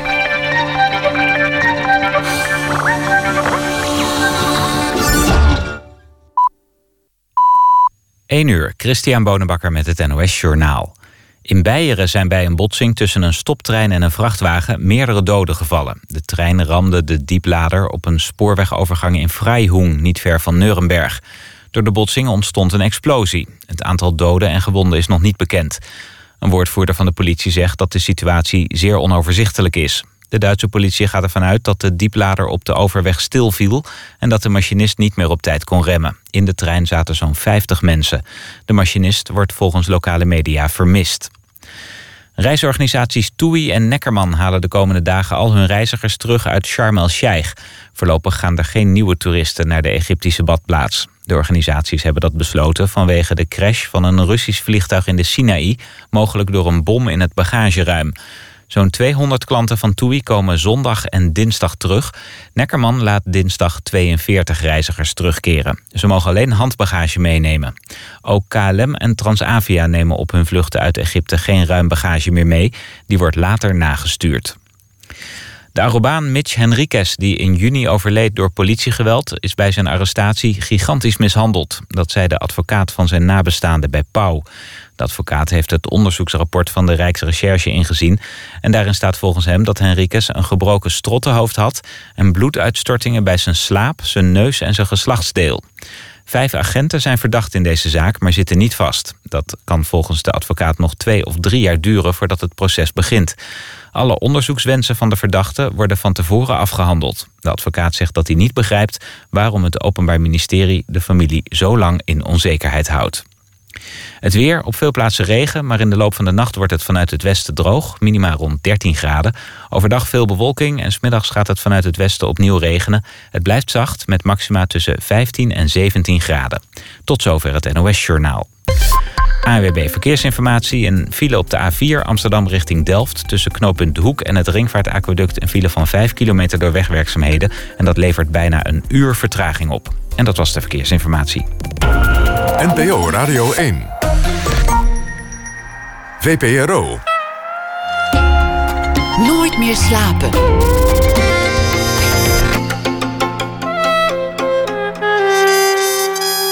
Met Pieter van der Wielen. Arie Boomsma, Geheime Liefde, te vinden aan de Kloveniersburgwal in Amsterdam, is poëziepodium Perdu. Sinds jaar en dag zijn daar de meest vooruitstrevende dichters te vinden. Op die plek spreken we af met Boomsma over een bloemlezing. Ik weet niet welke weg je neemt. We gaan ook praten met fotograaf Theo Baert. Hij uh, verkent de omgeving van Schiphol, waar hij de veranderingen in het polderlandschap in kaart heeft gebracht. Maar allereerst Gustav Peek. Hij is de schrijver die deze week elke nacht een verhaal maakte over de voorbije dag. Dat doet hij in de vorm van een brief aan zijn halfbroer in Indonesië. Zijn laatste boek heet Godin Held. Goedenacht, Gustav. Goedenacht, Pieter. Nou, begin maar gewoon meteen. Of wil je er eerst iets nog over zeggen? Nee, nee, ik ga gewoon... Uh, ik, uh, ik brand los. Oké, okay, ga je gang. Lieve broer, voor vandaag had ik je vrolijk nieuws beloofd. Ik heb het echt geprobeerd te vinden... Maar ik stuitte vooral op berichten over beroemdheden en nog mindere goden, wier namen je niet zult herkennen. De een heeft een album met hits uit, de ander heeft autodieven gefilmd, weer twee anderen hebben besloten hun dagelijkse bestaan online te zetten en dan is er ook nog een trui te koop met een grote worst op de borst gebreid. Ben jij eigenlijk geabonneerd op een krant? Ik kan me niet herinneren je er vaak met één te hebben gezien. Hoe dan ook, ik krijg al meer dan twintig jaar dezelfde krant bezorgd. Ik heb haar in die tijd zien veranderen, zien krimpen, zien verengen en vernauwen... en toch zeg ik haar niet op. Omdat het idee van een dag zonder een krant in mijn vadertaal me eindeloos deprimeert. Vandaag had mijn krant een hoofdcommentaar gepubliceerd met de kop... Seksueel geweld kan niet door de overheid worden opgelost. Wat flauw, was mijn eerste gedachte toen ik die woorden las... Wat makkelijk altijd, om stoer te doen over een tegendeel dat nooit werkelijk heeft bestaan. Indonesië is even verzot op Twitter als Nederland, dus je weet wat een hashtag is. De hashtag zeg het roept slachtoffers van seksueel geweld op hun ervaringen te delen op Twitter. Ik merk dat ik dit medium nog altijd te vrijblijvend inschat. Want er is warempel discussie ontstaan over seksueel geweld en vrouwenhaat. Maar wat schrijft mijn krant? Uiteraard zit de oplossing in de samenleving zelf. Hmm. Blijkbaar zijn samenleving en overheid alweer enige tijd geleden gescheiden. Hebben ze netjes de inboedel verdeeld en de kinderen, maar hebben ze mij gewoon nog niet geïnformeerd. Spreek elkaar erop aan. Nog zo'n prachtige one-liner. Maar waarop? Hm, pardon meneer, wilt u wel eens ophouden met het verkrachten van uw vrouw? Dan de zin, van politie en justitie kan eigenlijk alleen in ernstige gevallen iets verwacht worden. Eigenlijk en ernstig. Het eerste woord verraadt een nare hooghartigheid bij de auteur... en dat laatste woord heeft boeken volgekregen en rechtszalen doen zweten.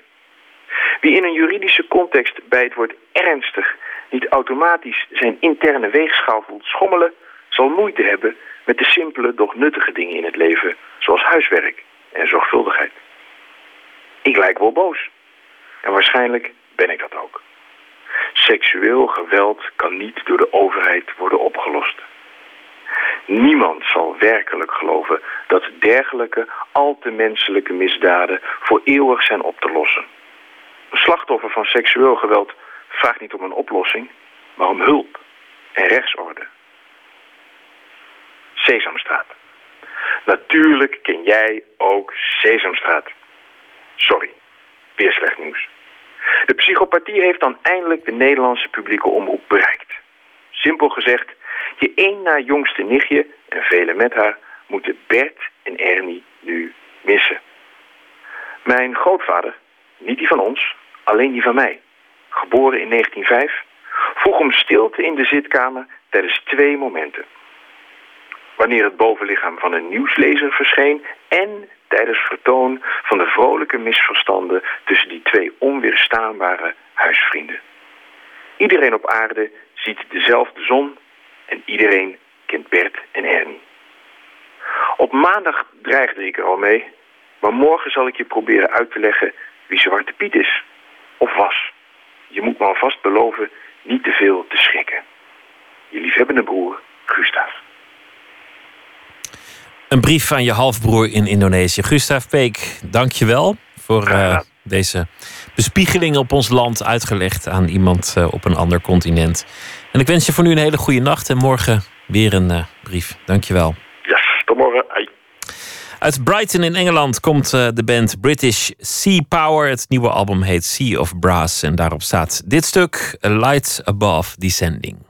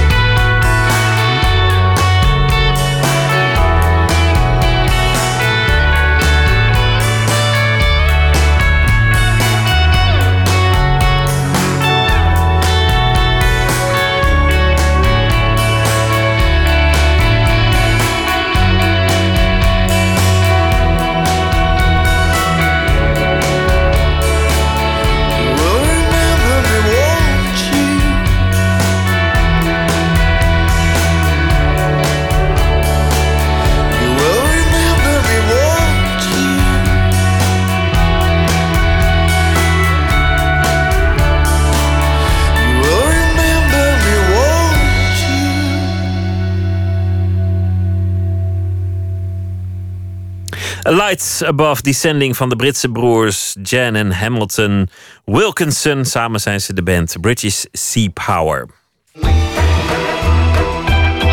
Nooit meer slapen.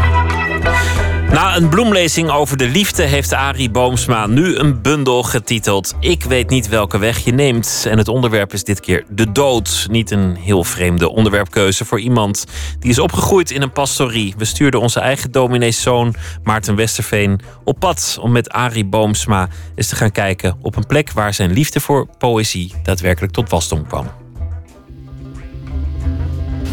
Die van Lucas Heers is ook net nieuw. En deze van Starik, Staat, is ook deze week uitgekomen. Starik vind ik een heerlijke dichter ook. Die maakt ook die prachtige serie eh, Eenzame Uitvaart... waar hij allerlei dichters vraagt bij overledenen eh, gedichten te schrijven.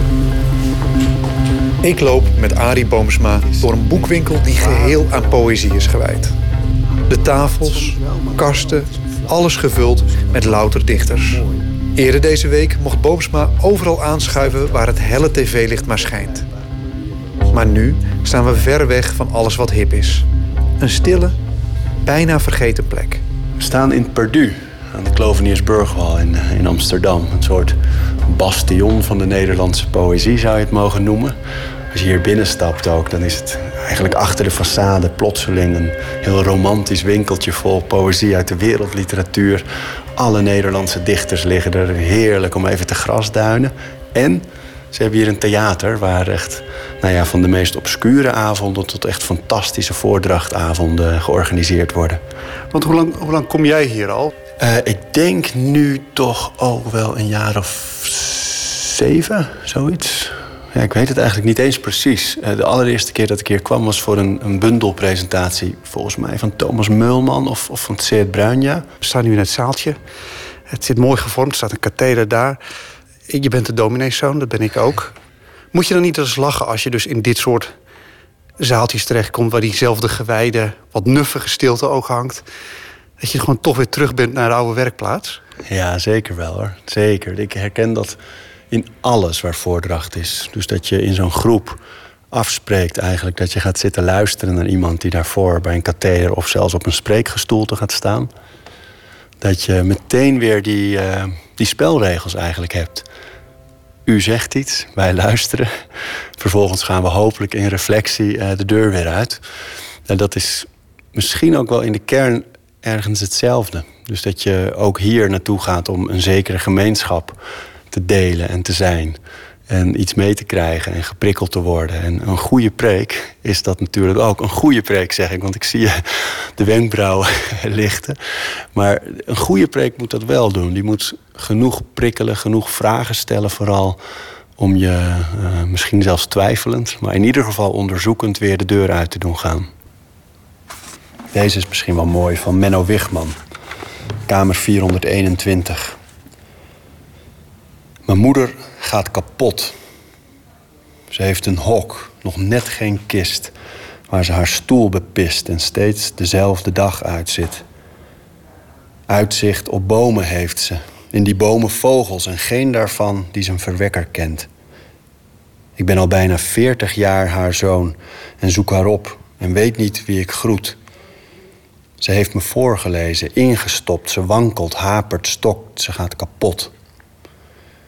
Geen dier, zegt men, dat aan zijn moeder denkt. Ik lepel bevend eten in haar mond en weet niet zeker of ze me herkent. Het zullen merels zijn, ze zingen door. De aarde roept, krijgt vloek na vloek gehoor. Een beetje woede in dat gedicht vind ik heel erg mooi aan de poëzie van Menno Wigman. Die ik hier trouwens in Purdue ook voor heb horen dragen. Die lijkt echt uit een andere tijd gestapt en zo echt een prediker van, uh, van de poëzie. Dan sta je er toch.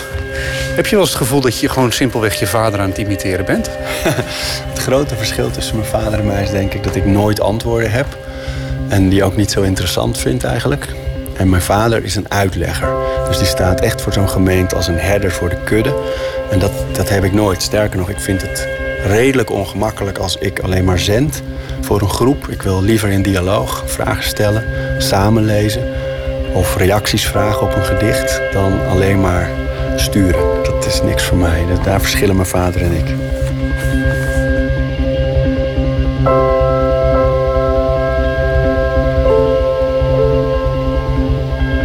Die allereerste keer dat ik hier was, zei iemand van een uitgeverij... en die had me ook op andere bundelpresentaties gezien... en vroeg, hey, je- bent er vaak, je hebt er kennelijk een, een liefde voor...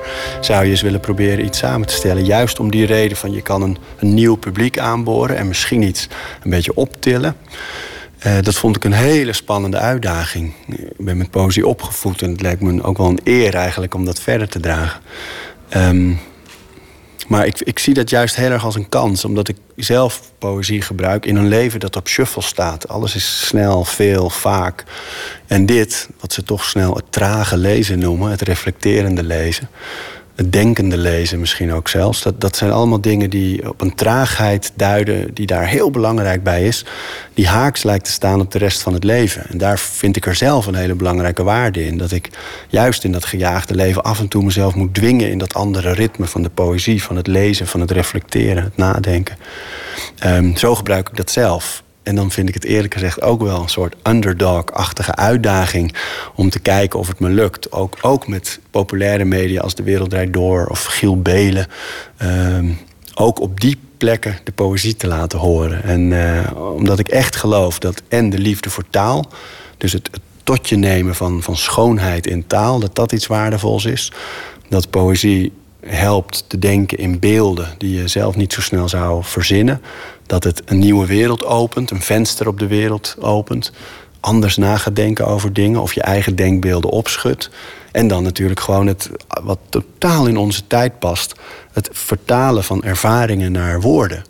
En dat is poëzie. En dat is wat we de hele dag aan het doen zijn op social media en op, op, ja, op alles eigenlijk. Dus het, het, ligt zo dichtbij en toch lijkt het, lijkt het op afstand te staan. En, ik zie het als een prachtige uitdaging en wel een beetje een verantwoordelijkheid om een brug te slaan tussen die afstand en, uh, en de liefde eigenlijk.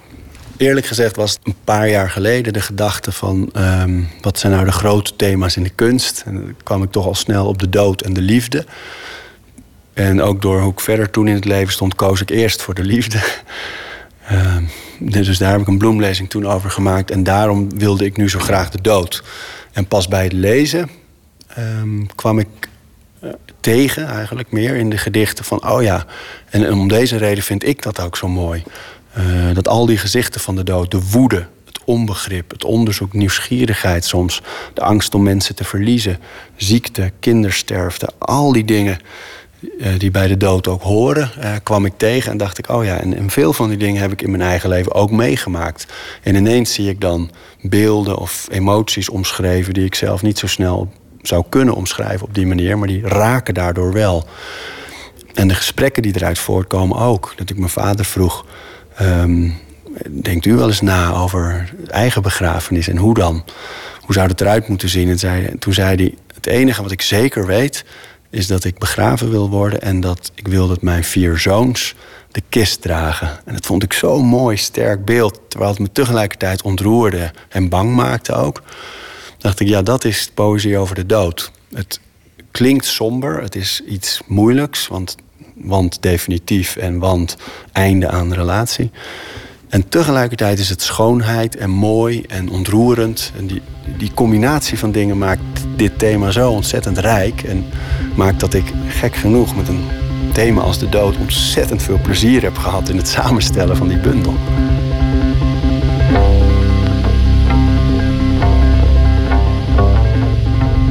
Met zo'n bloemlezing dan, dan begint het met dat ik wat regels in mijn hoofd heb. Uh, vaak niet eens hele gedichten van Bloem. Uh, denkend aan de dood kan ik niet slapen. En niet slapend denk ik aan de dood.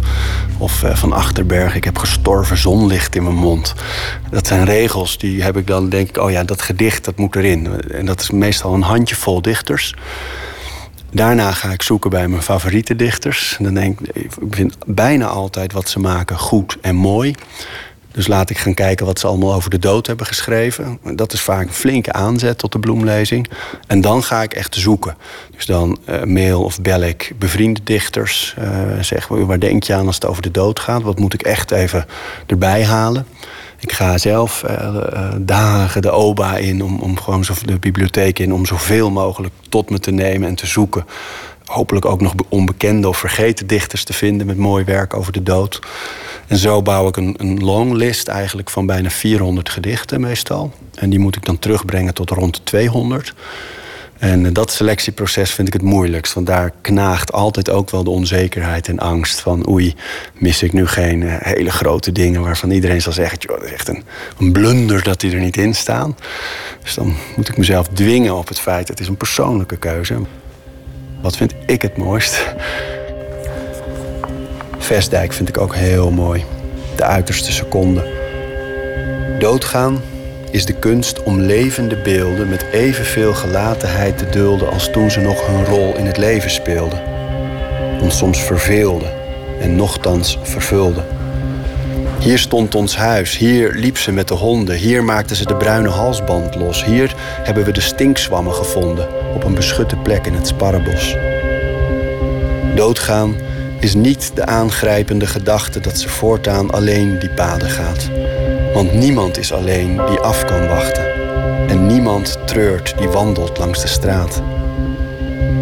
Maar dit alles was een werkelijkheid die duren zal tot de uiterste seconde. Dit is de ware wedloop met de tijd. De halsband los. En zij met de twee honden.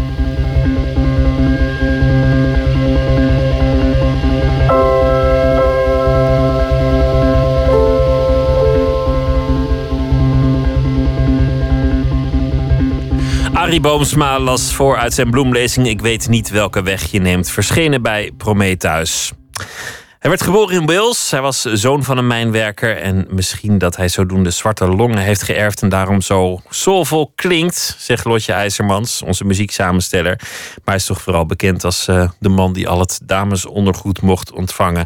Tom Jones. En uh, hij is 75 alweer. Een nieuw album is er. En we gaan luisteren naar Bring It Home.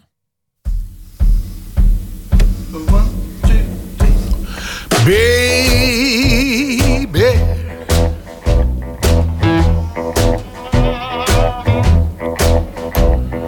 Baby, I'm gonna bring it on home to you. I done bought my ticket, I got my load. Conductor done hollered uh, all of them aboard. Mm, take my seat and ride way back.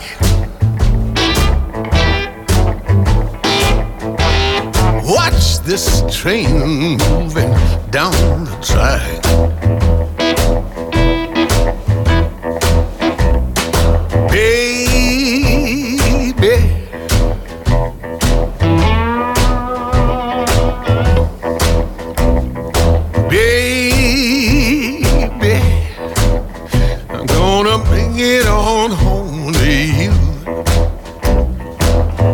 I think about the good times we once had.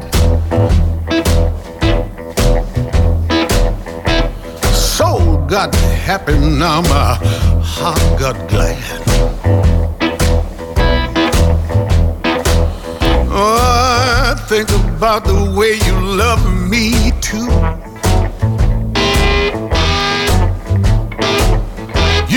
bet your life I'm coming home to you.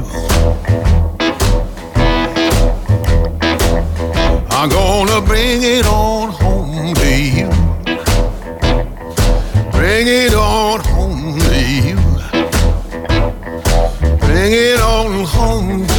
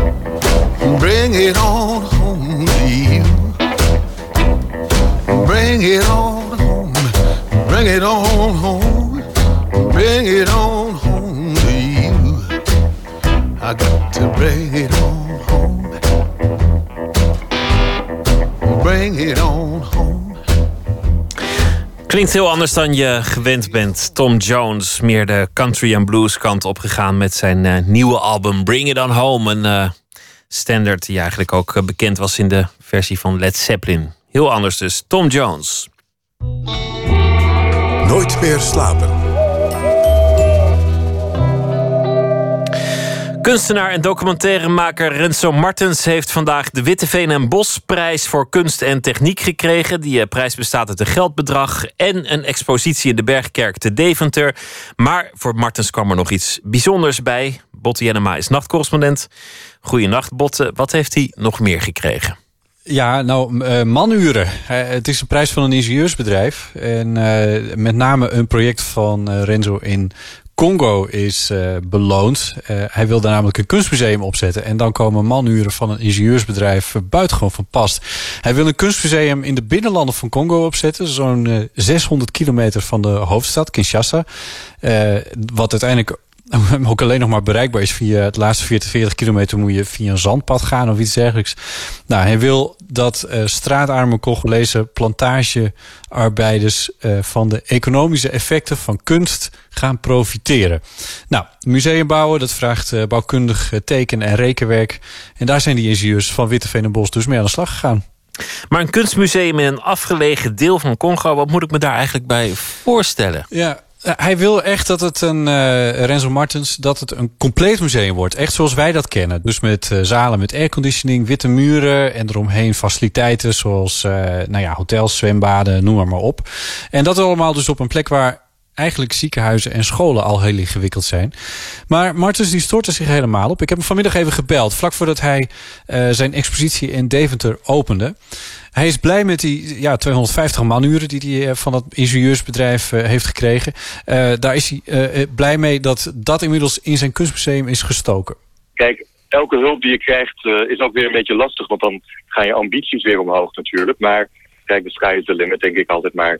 En het moet toch echt gebeuren, want het is natuurlijk een beetje apart dat er in Nederland wel allemaal kritische kunstcentra zijn over globale ongelijkheid en dat soort dingen. Maar dat je op een plek waar mensen nou toevallig heel arm zijn, waar ze aan de andere kant van diezelfde ongelijkheid zitten, dat er helemaal geen eh, plek voor kritisch nadenken en zo is. Dat is een beetje apart.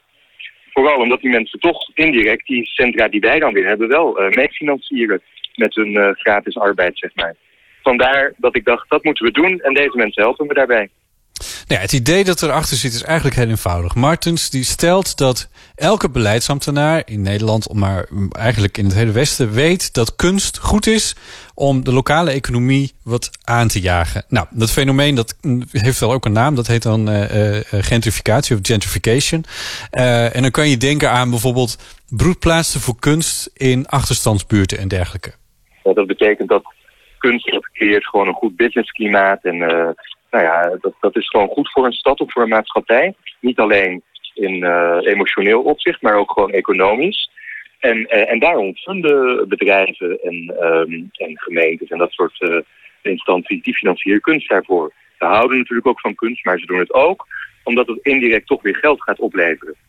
Nou, gentrificatie dat heeft ook een paar neveneffecten. Eh, als een buurt gewilder wordt, doordat er kunstenaars zich daar vestigen en de buurt aantrekkelijker wordt, dan kunnen oude bewoners zich soms niet meer veroorloven om er te wonen. En dat is negatief, zegt Martens. Maar hij noemt dat ook als eh, reden voor het feit dat hij niet in Amsterdam, maar in Brussel woont. In Congo proberen wij dat hele proces om te draaien. Dus ten eerste zorgen we ervoor dat een centrum voor kritisch engagement eh, op een van de armste plekken op de aarde komt. Ehm, dat is belangrijk, want juist zij hebben daar natuurlijk nood aan. En hebben ook heel veel te vertellen en heel veel bij te dragen. Zij weten alles van climate change daar in Congo. Ze weten alles van eh, bedrijven die eigenlijk de dienst uitmaken. Ze weten alles van onbehoorlijk bestuur. Ze weten alles van oorlog, van vluchtelingen. Ze weten ook alles. Kortom, ze hebben ons heel wat eh, te vertellen, zeg maar. Dus daar moet ook zo'n kunstcentrum komen. En daarom noemt hij dit project ook reversed gentrification. Een ambitieus en opmerkelijk eh, project. Maar, maar kan een kunstmuseum of een, of een kunstmanifestatie... eh, kan het echt iets betekenen? Ik bedoel, is dat je eerste prioriteit als je, als je echt arm bent? Ja, nou ja, precies. Nou, om op die vraag een beetje een antwoord te krijgen, moet je eigenlijk even iets verder uitzoomen. En dat is eigenlijk ook de grap van wat Renzo Martens doet. Nou ja, grap, het is heel serieus. Maar hij stelt zich die vragen al jaren. En dat deed hij bijvoorbeeld ook in die documentaire die hij heeft gemaakt eh, in 2009. Eh, Enjoy Poverty heette dat. Het is niet een, een makkelijk te duiden film, maar eh, je, hij toont daar wel in op een hele pijnlijke wijze dat het belangrijkste exportproduct van Congo armoede is. En hij spoorde daarin eh Congolezen dan ook aan om die uit te buiten als een soort, ja, als een soort businessmodel. Nou, dat lukt niet helemaal. Maar met dat in het achterhoofd heeft de jury eh, van deze prijs die prijs aan Martens toegekend. Nou, ik sprak daarover met Olaf van Winden. Hij is ook de oprichter van Today's Art Festival en de voorzitter van de jury. Wij vonden dit het, het, in het oeuvre van Renzo, waar poverty, armoede centraal staat, eh, waar hij het heeft over macht en over politiek en over ongelijke handel. Als we om ons heen kijken, dan is de wereld redelijk verknoopt geraakt. Politiek, sociaal, economisch, eh, ook de verdeling van macht en dat soort dingen. Eh, en juist de kunst is, denk ik, heel goed in staat om daar reflectie op te geven. En eh, eh, om eh, te benadrukken wat er aan de hand is in de wereld. Kunst is veel meer dan alleen maar esthetiek, iets moois. Of iets, het mag je best aan het denken zetten. En dat is wat ons heel erg aansprak in het werk van Renzo. Ja, kunst, zegt, eh, zegt eh, Olaf, is eh, over de hele wereld eigenlijk verschillend van waarde. Dat, be- als het ergens in New York hangt, kan het ineens veel meer waard zijn. Het gaat in het Westen in, bij de kunst soms ook over gigantische bedragen. En de vraag die hier nu een beetje opgeroepen wordt, is: kan je met het systeem van gentrificatie in je achterhoofd het arme binnenland van Congo hiermee ook helpen? Maakt het kans? Nou ja, het is nog nooit eerder gedaan. Dus in die zin, ja, je weet het niet. Het zou goed kunnen. En, eh, een ander project van eh, Renzo Martens in Congo... dat hij eh, inmiddels al een tijdje aan het draaien is... dat is al behoorlijk eh, succesvol. Daarin laat hij oud-plantagemedewerkers... Congolezen dus, kleiobjecten ontwerpen... eh, die dan via een 3D-scan omgezet worden in, eh, in, in Europa in chocoladevormen. En dat is dan chocolade die weer uit eh, Congo komt. Nou, op die manier heeft hij daar een, een, een soort systeem voor, voor ingericht en dat werkt nu. Die ontwerpen trouwens, die zijn in chocola in de Bergkerk in Deventer te zien als onderdeel van die prijs. En eigenlijk ziet hij nu al dat hij door eh, hun die beelden te laten maken eh, vanuit hun eigen belevingswereld en ze hier te verkopen in de westerse markt, eh, verdienen ze al meer dan dat ze toen deden toen ze bij Unilever werkten. Nou ja, de Olaf van Winden die zegt van dat, is- dat is dus al succesvol. Dus in die zin eh, heeft hij er eh, echt wel wat aan. Ik vroeg Renzo tenslotte nog even wanneer hij denkt dat het museum er zal zijn. Nou, ik ben nu al een paar jaar bezig. Hè. Sinds eh, 2012 zijn we daar in Congo bezig. We zijn dan weggejaagd door een of ander bedrijf. Nou, nu weer opnieuw begonnen. Ik denk nog een paar jaar en dan eh, staat het er echt. Maar de, ambities zijn, eh, eh, ja, om, om er eigenlijk vrij snel al een, en toch een paar landmark events neer te kunnen zetten. Maar dat, dat hoort u later wel, ja. Al dus eh, Renzo Martens, die vandaag eh, de prijs heeft gewonnen. Je zei ook, eh, er hoort ook nog een expositie bij. En die is in Deventer.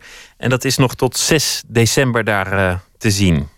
Klopt, ja, inderdaad. En daar zijn dus onder andere die uh, chocola-zaken te zien.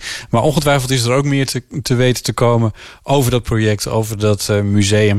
Waar, ja, nu weten we er eigenlijk nog niet zo heel erg gek veel van. Bijvoorbeeld de locatie, die is nog steeds geheim.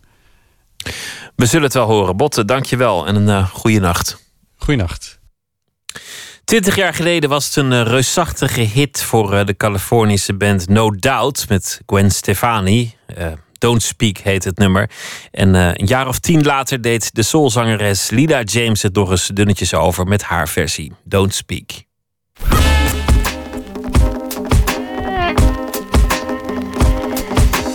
You and me,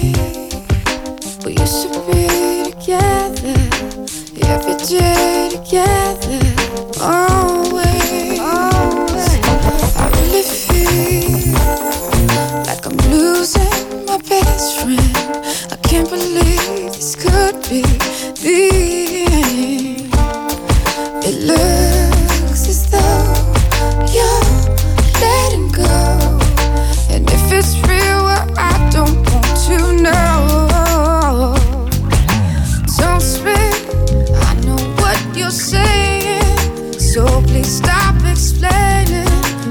impossível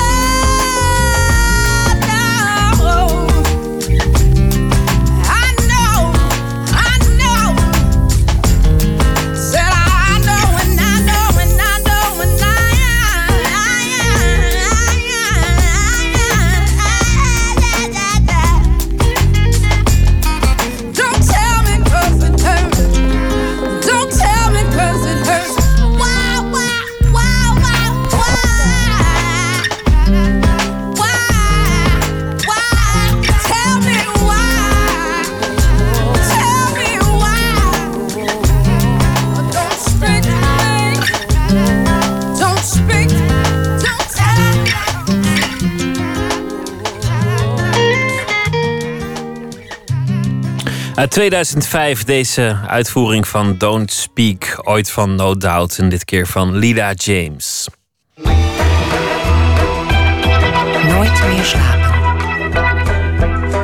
Het gebied rond eh, luchthaven Schiphol is een bizar landschap van lege Hollandse polders, snelwegen, veel bedrijvigheid en restanten van alles wat ooit plaats moest maken voor de groei van de luchthaven.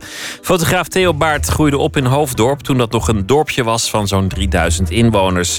Toen hij een jaar of 16 was, begon hij alles vast te leggen wat er veranderde in die omgeving. Nu, 40 jaar later, brengt het Nederlands Fotomuseum in Rotterdam een tentoonstelling van dat werk. Hij nam onze verslaggever Jan-Paul de Bond mee op pad in de polders rond Schiphol.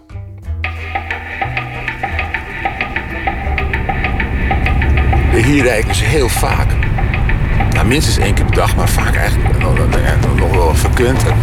En eh, dan moet ik elke keer even kijken daar naar die luchthaven. Die daar eh, ligt zoals eh, Volterra boven op een heuvel in Toscane ligt. En, als een, mooie, maar ook toch wel een beetje huiveringwekkende stadsrepubliek.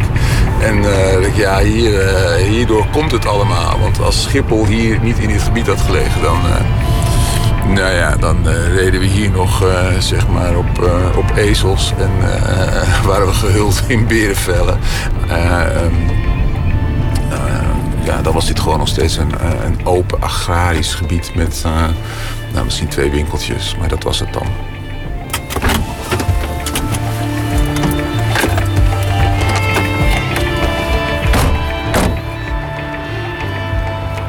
We staan hier op dit moment echt gewoon letterlijk op de geluidscontour van Schiphol. Deze dijk en deze weg, hier mag gewoon niet gebouwd worden... want hier is de geluidsoverlast volgens de normeringen die gelden, uh, is, te, is te hoog. Ja, en dat is natuurlijk de ironie van zo'n snel verstedelijkend gebied. Dat als je nog iets wil zien van dat uh, historische, uh, krachtige polderlandschap... dan moet je uh, tegen Schiphol aan gaan schurken. En dan zie je dus nog tussen die landingsbanen... zie je die akkers ja, je kan er niks anders doen dan aardappelen laten groeien. Ja, dat gebeurt hier dus al anderhalf eeuw. En dat gaat hier denk ik ook gewoon wel voorlopig nog wel eventjes zo door. Hoe kies je daar uh, letterlijk je beelden bij? Want waarom, waarom neem je mij bijvoorbeeld mee hier naartoe? Nou, ik neem, je, ik neem je mee naar deze plek omdat als dat er niet was en dat niet die schaal had gekregen, dan was er denk ik heel weinig reden om zo'n boek te maken als wat ik maak. Want dan was het gewoon een dorp dat verandert. Uh, maar die combinatie van dat wat overal gebeurt met dat wat bijzonder is, die ronkende motor daar, uh, in dat, uh, die midden in die polder ligt, die, die, die plek van nationale en internationale betekenis. Dat maakt dat alledaagse opeens heel erg bijzonder. En dan heb je dus eigenlijk een... een, een, een, dit is een soort uh, hoge drukpan. Dat snap ik. Maar dan denk ik dat Schiphol hier... waar we nu over uitkijken over een aantal akkers en een snelweg... dat kun je eigenlijk nog van tig hoeken om Schiphol heen bekijken. Waarom, waarom kies jij deze plek? Want dit biedt dan jouw visueel mogelijkheden. Ja, dat klopt. En dat komt eigenlijk omdat ik... Uh, uh, en dat is bijna een soort fotografische... Uh, nee, dat is, dat is niet bijna. Dat is gewoon een uitsluitend fotografisch argument. ik hou van hele rustige beelden. Er zijn wel, misschien ook wel mooiere plekken... maar het is, is nergens waar ik zo'n helder beeld kan maken... van dit eigenlijk hele eenvoudige tafereel... van iets wat zeer gecompliceerd is. Wat ik zelf ook heel mooi vind aan dit beeld hier... dat zijn toch die vliegtuigen die hier voorbij taxiën. Ja. En dat, dat, de verhoudingen zijn even zoek of zo. Met zo'n gigantisch... Ja. En dat is fantastisch. Maar ik moest even denken aan een foto die ik in jouw boek zag. Ja. Van een heel klein stukje oude begraafplaats van Ja. Neem Hoofddorp. Ja. En daar taxiet... Zullen we daar naartoe gaan? Ja, dat vind ik een prachtig Ja. beeld. Ik krijg het koud nou. Het is wel wel leuk, die kunst. Moet je niet koud krijgen. Als je flapt. Oké,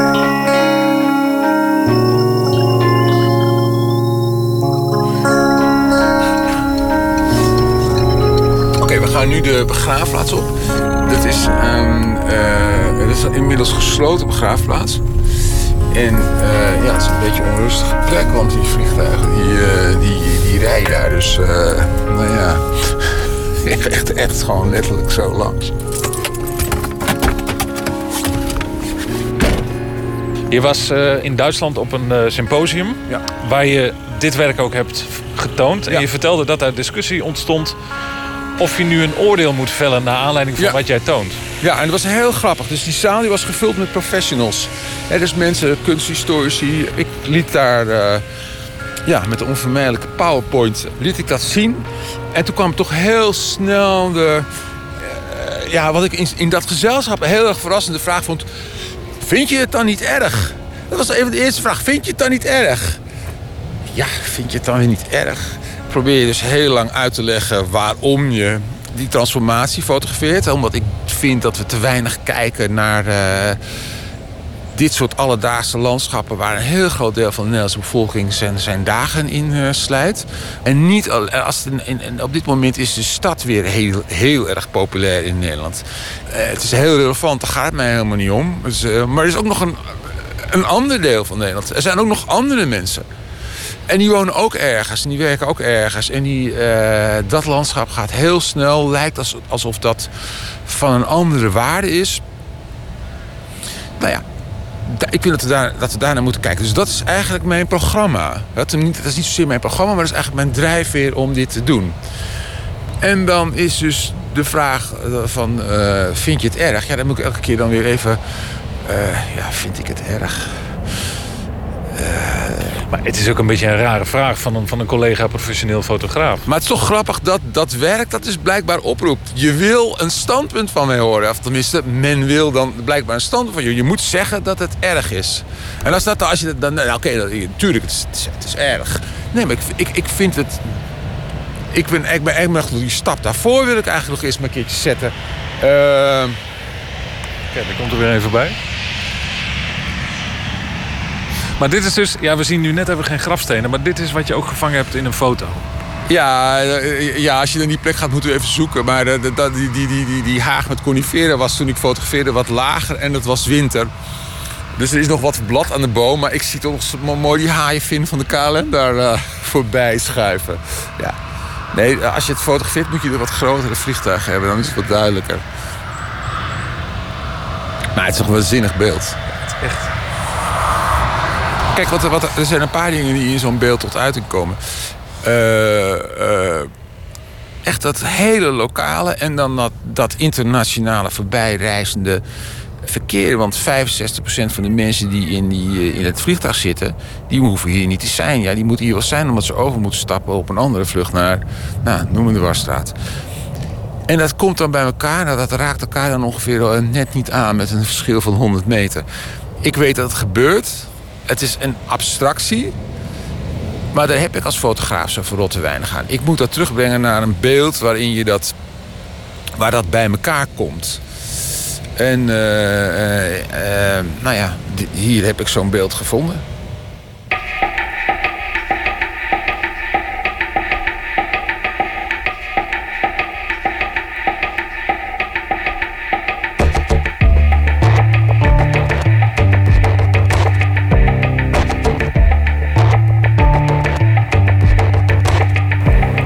Toen ik begon met fotograferen en die eerste dingen maakte, was er, was er wel belangstelling voor, maar niet hier. Die ik vertelde je over die Rijksmuseumopdracht die ik eh, kreeg toen ik twee jaar van de Rietveld Academie kwam. Maar Dat heb ik gedaan met de foto's die ik hier gemaakt had. Nou, ik kreeg dus die Rijksmuseumopdracht. Nou, dat interesseerde hier niemand echt ni- niks. Pas op het moment eh, toen ik Bouwlus maakte, dus de voorganger van Werklust, wat, wat gaat over die verstedelijking eh, en er zoveel publiciteit rondom het boek was, werd gebeld door de wethouder. Nou, dat vond ik helemaal fantastisch. En toen hebben ze ook een foto aangekocht. Dus daar hing dus achter het museumglas ingelijst zo'n landschap waar, wat niet meer bestond. hing daar veilig aan de, aan de muur van de wethouder van eh, ruimtelijke ordening. Ik ben me bewust van die positie. Begrijp je, ik daarom eindig het boek ook met een foto van een kamer op het gemeentehuis. Er hangt een kaart van de polder, hangt daar een, tafeltje en een, en een kapstok. En aan de muur hangen twee foto's. En die foto's die zijn van mij. Ik bedoel, heel erg invloedrijk zal mijn positie wel niet zijn. Maar op de een of andere manier trek ik zelf ook weer sporen in dit landschap. Dus het is een soort, ja, realiseer ik me dat ik hier ja, toch ook een positie, welke dan ook maar aan het innemen ben. Maar De chroniqueur van Hoofddorp. ja, nou ja, nou nee, dat, dat gaat wat ver. Maar het is natuurlijk wel wat ik doe. Maar, eh, en ik, ik zou zeggen de chroniqueur van het veranderend landschap. Hè. Dus ik zou het wat los willen zien van deze waanzinnig idiote plek. Maar die zo markant is. Eh, Laat ik zo zeggen, je kan er wel met een afstand naar kijken. Je kan het verslag leggen. Maar je moet niet denken dat je er niet onderdeel van uit gaat maken. Dat is, ik moet zelf ook nadenken over mijn eigen positie. Ik moet niet alleen maar nadenken over wat er hierna gebeurt in dat landschap. En al die malle vliegtuigen die hier over begraafplaatsen heen rijden. Maar ik moet ook nadenken, wat is mijn positie dan? En dan krijg je dus die vraag van, vind je het erg? Nou, op het moment dat ik het erg ga vinden, is het project dood.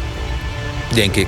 Want dan word je een activist. Dan kan je de voor's en tegens en de nuances, de nieuwe dingen niet meer zien. Want ik ben tegen. Ja, nou ja. Ben je tegen veranderend landschap? Al dus fotograaf Theo Baart en het boek heette Werklust over de veranderende omgeving rond Schiphol. Aanstaande zaterdag geopend de expositie in het Fotomuseum in Rotterdam. Jan-Paul de Bond was de verslaggever. 1968 maakte Van Morrison zijn meesterwerk Astral Weeks. Onlangs verscheen daar een eh, expanded edition van. Met extra liedjes, andere uitvoeringen en opnamen. En alles ook nog eens eh, nog wat opgekalevaterd qua geluid. Van het nummer Beside You is hier bijvoorbeeld de eerste take die nooit op de plaat kwam. Hier is Van Morrison.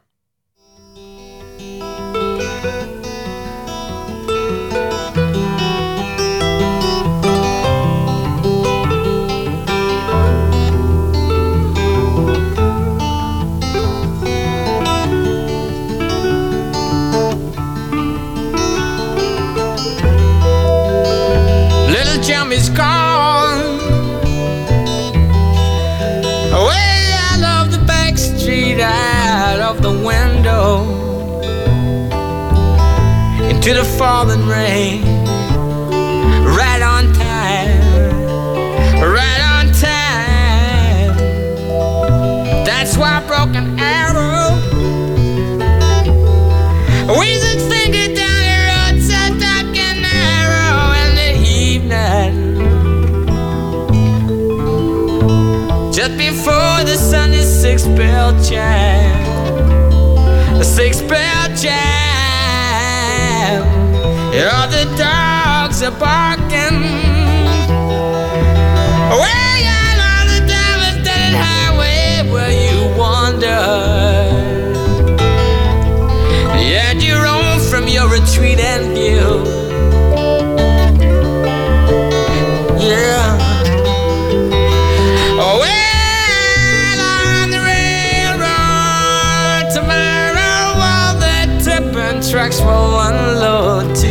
Together. All the scrapbooks stuck with glue. And I stand beside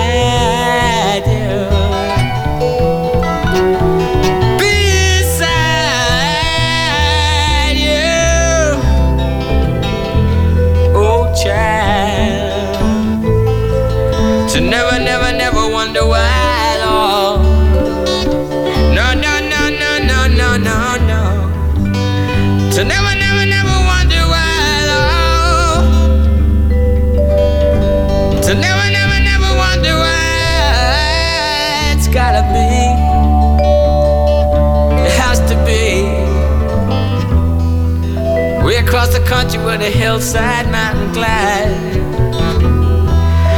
The dynamo wants you smile, caress the barefoot virgin child to wonder.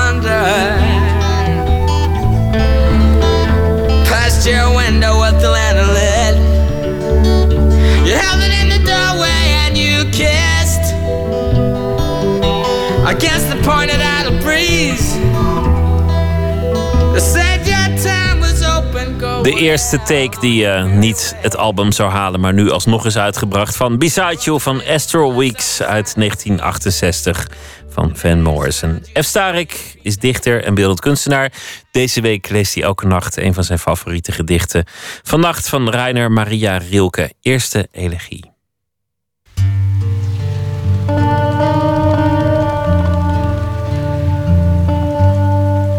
De eerste bundels die ik ooit eh, kocht was eh Rainer Maria Rilke. De Duinesier Elegieën.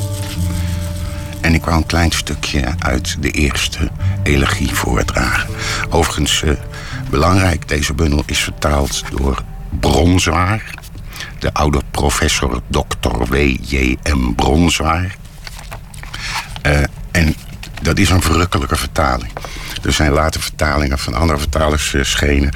En die halen het eh, niet bij wat meneer Bronzwaar, eh, God hebben zijn ziel, daarvan gemaakt heeft. De eerste elegie.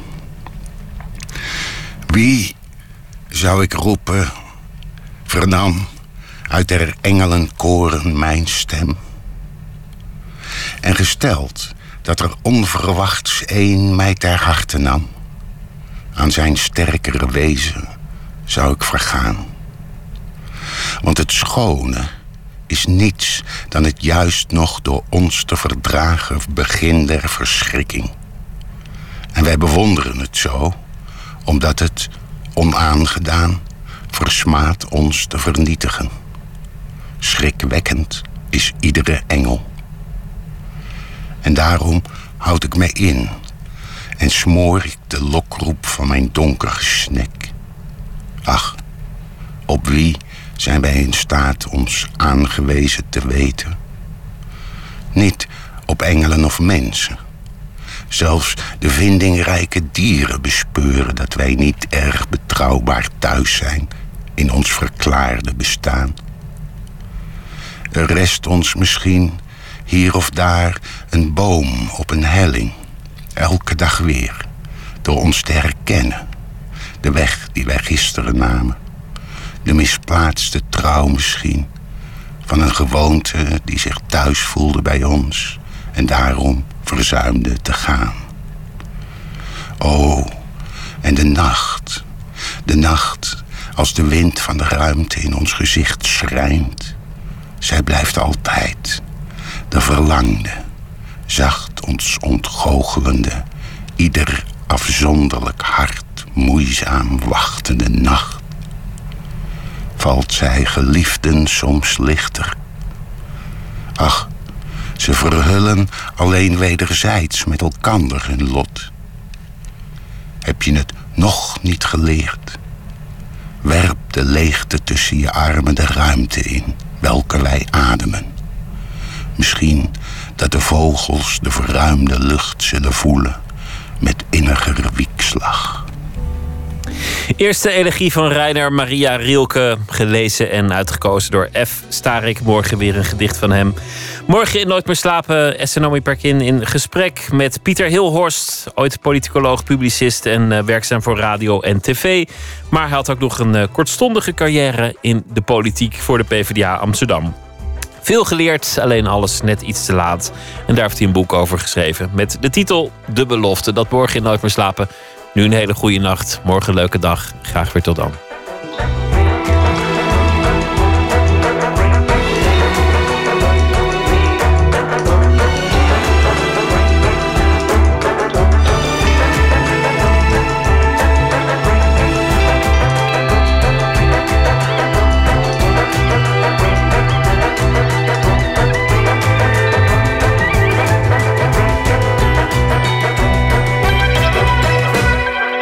Radio 1, het nieuws van alle kanten.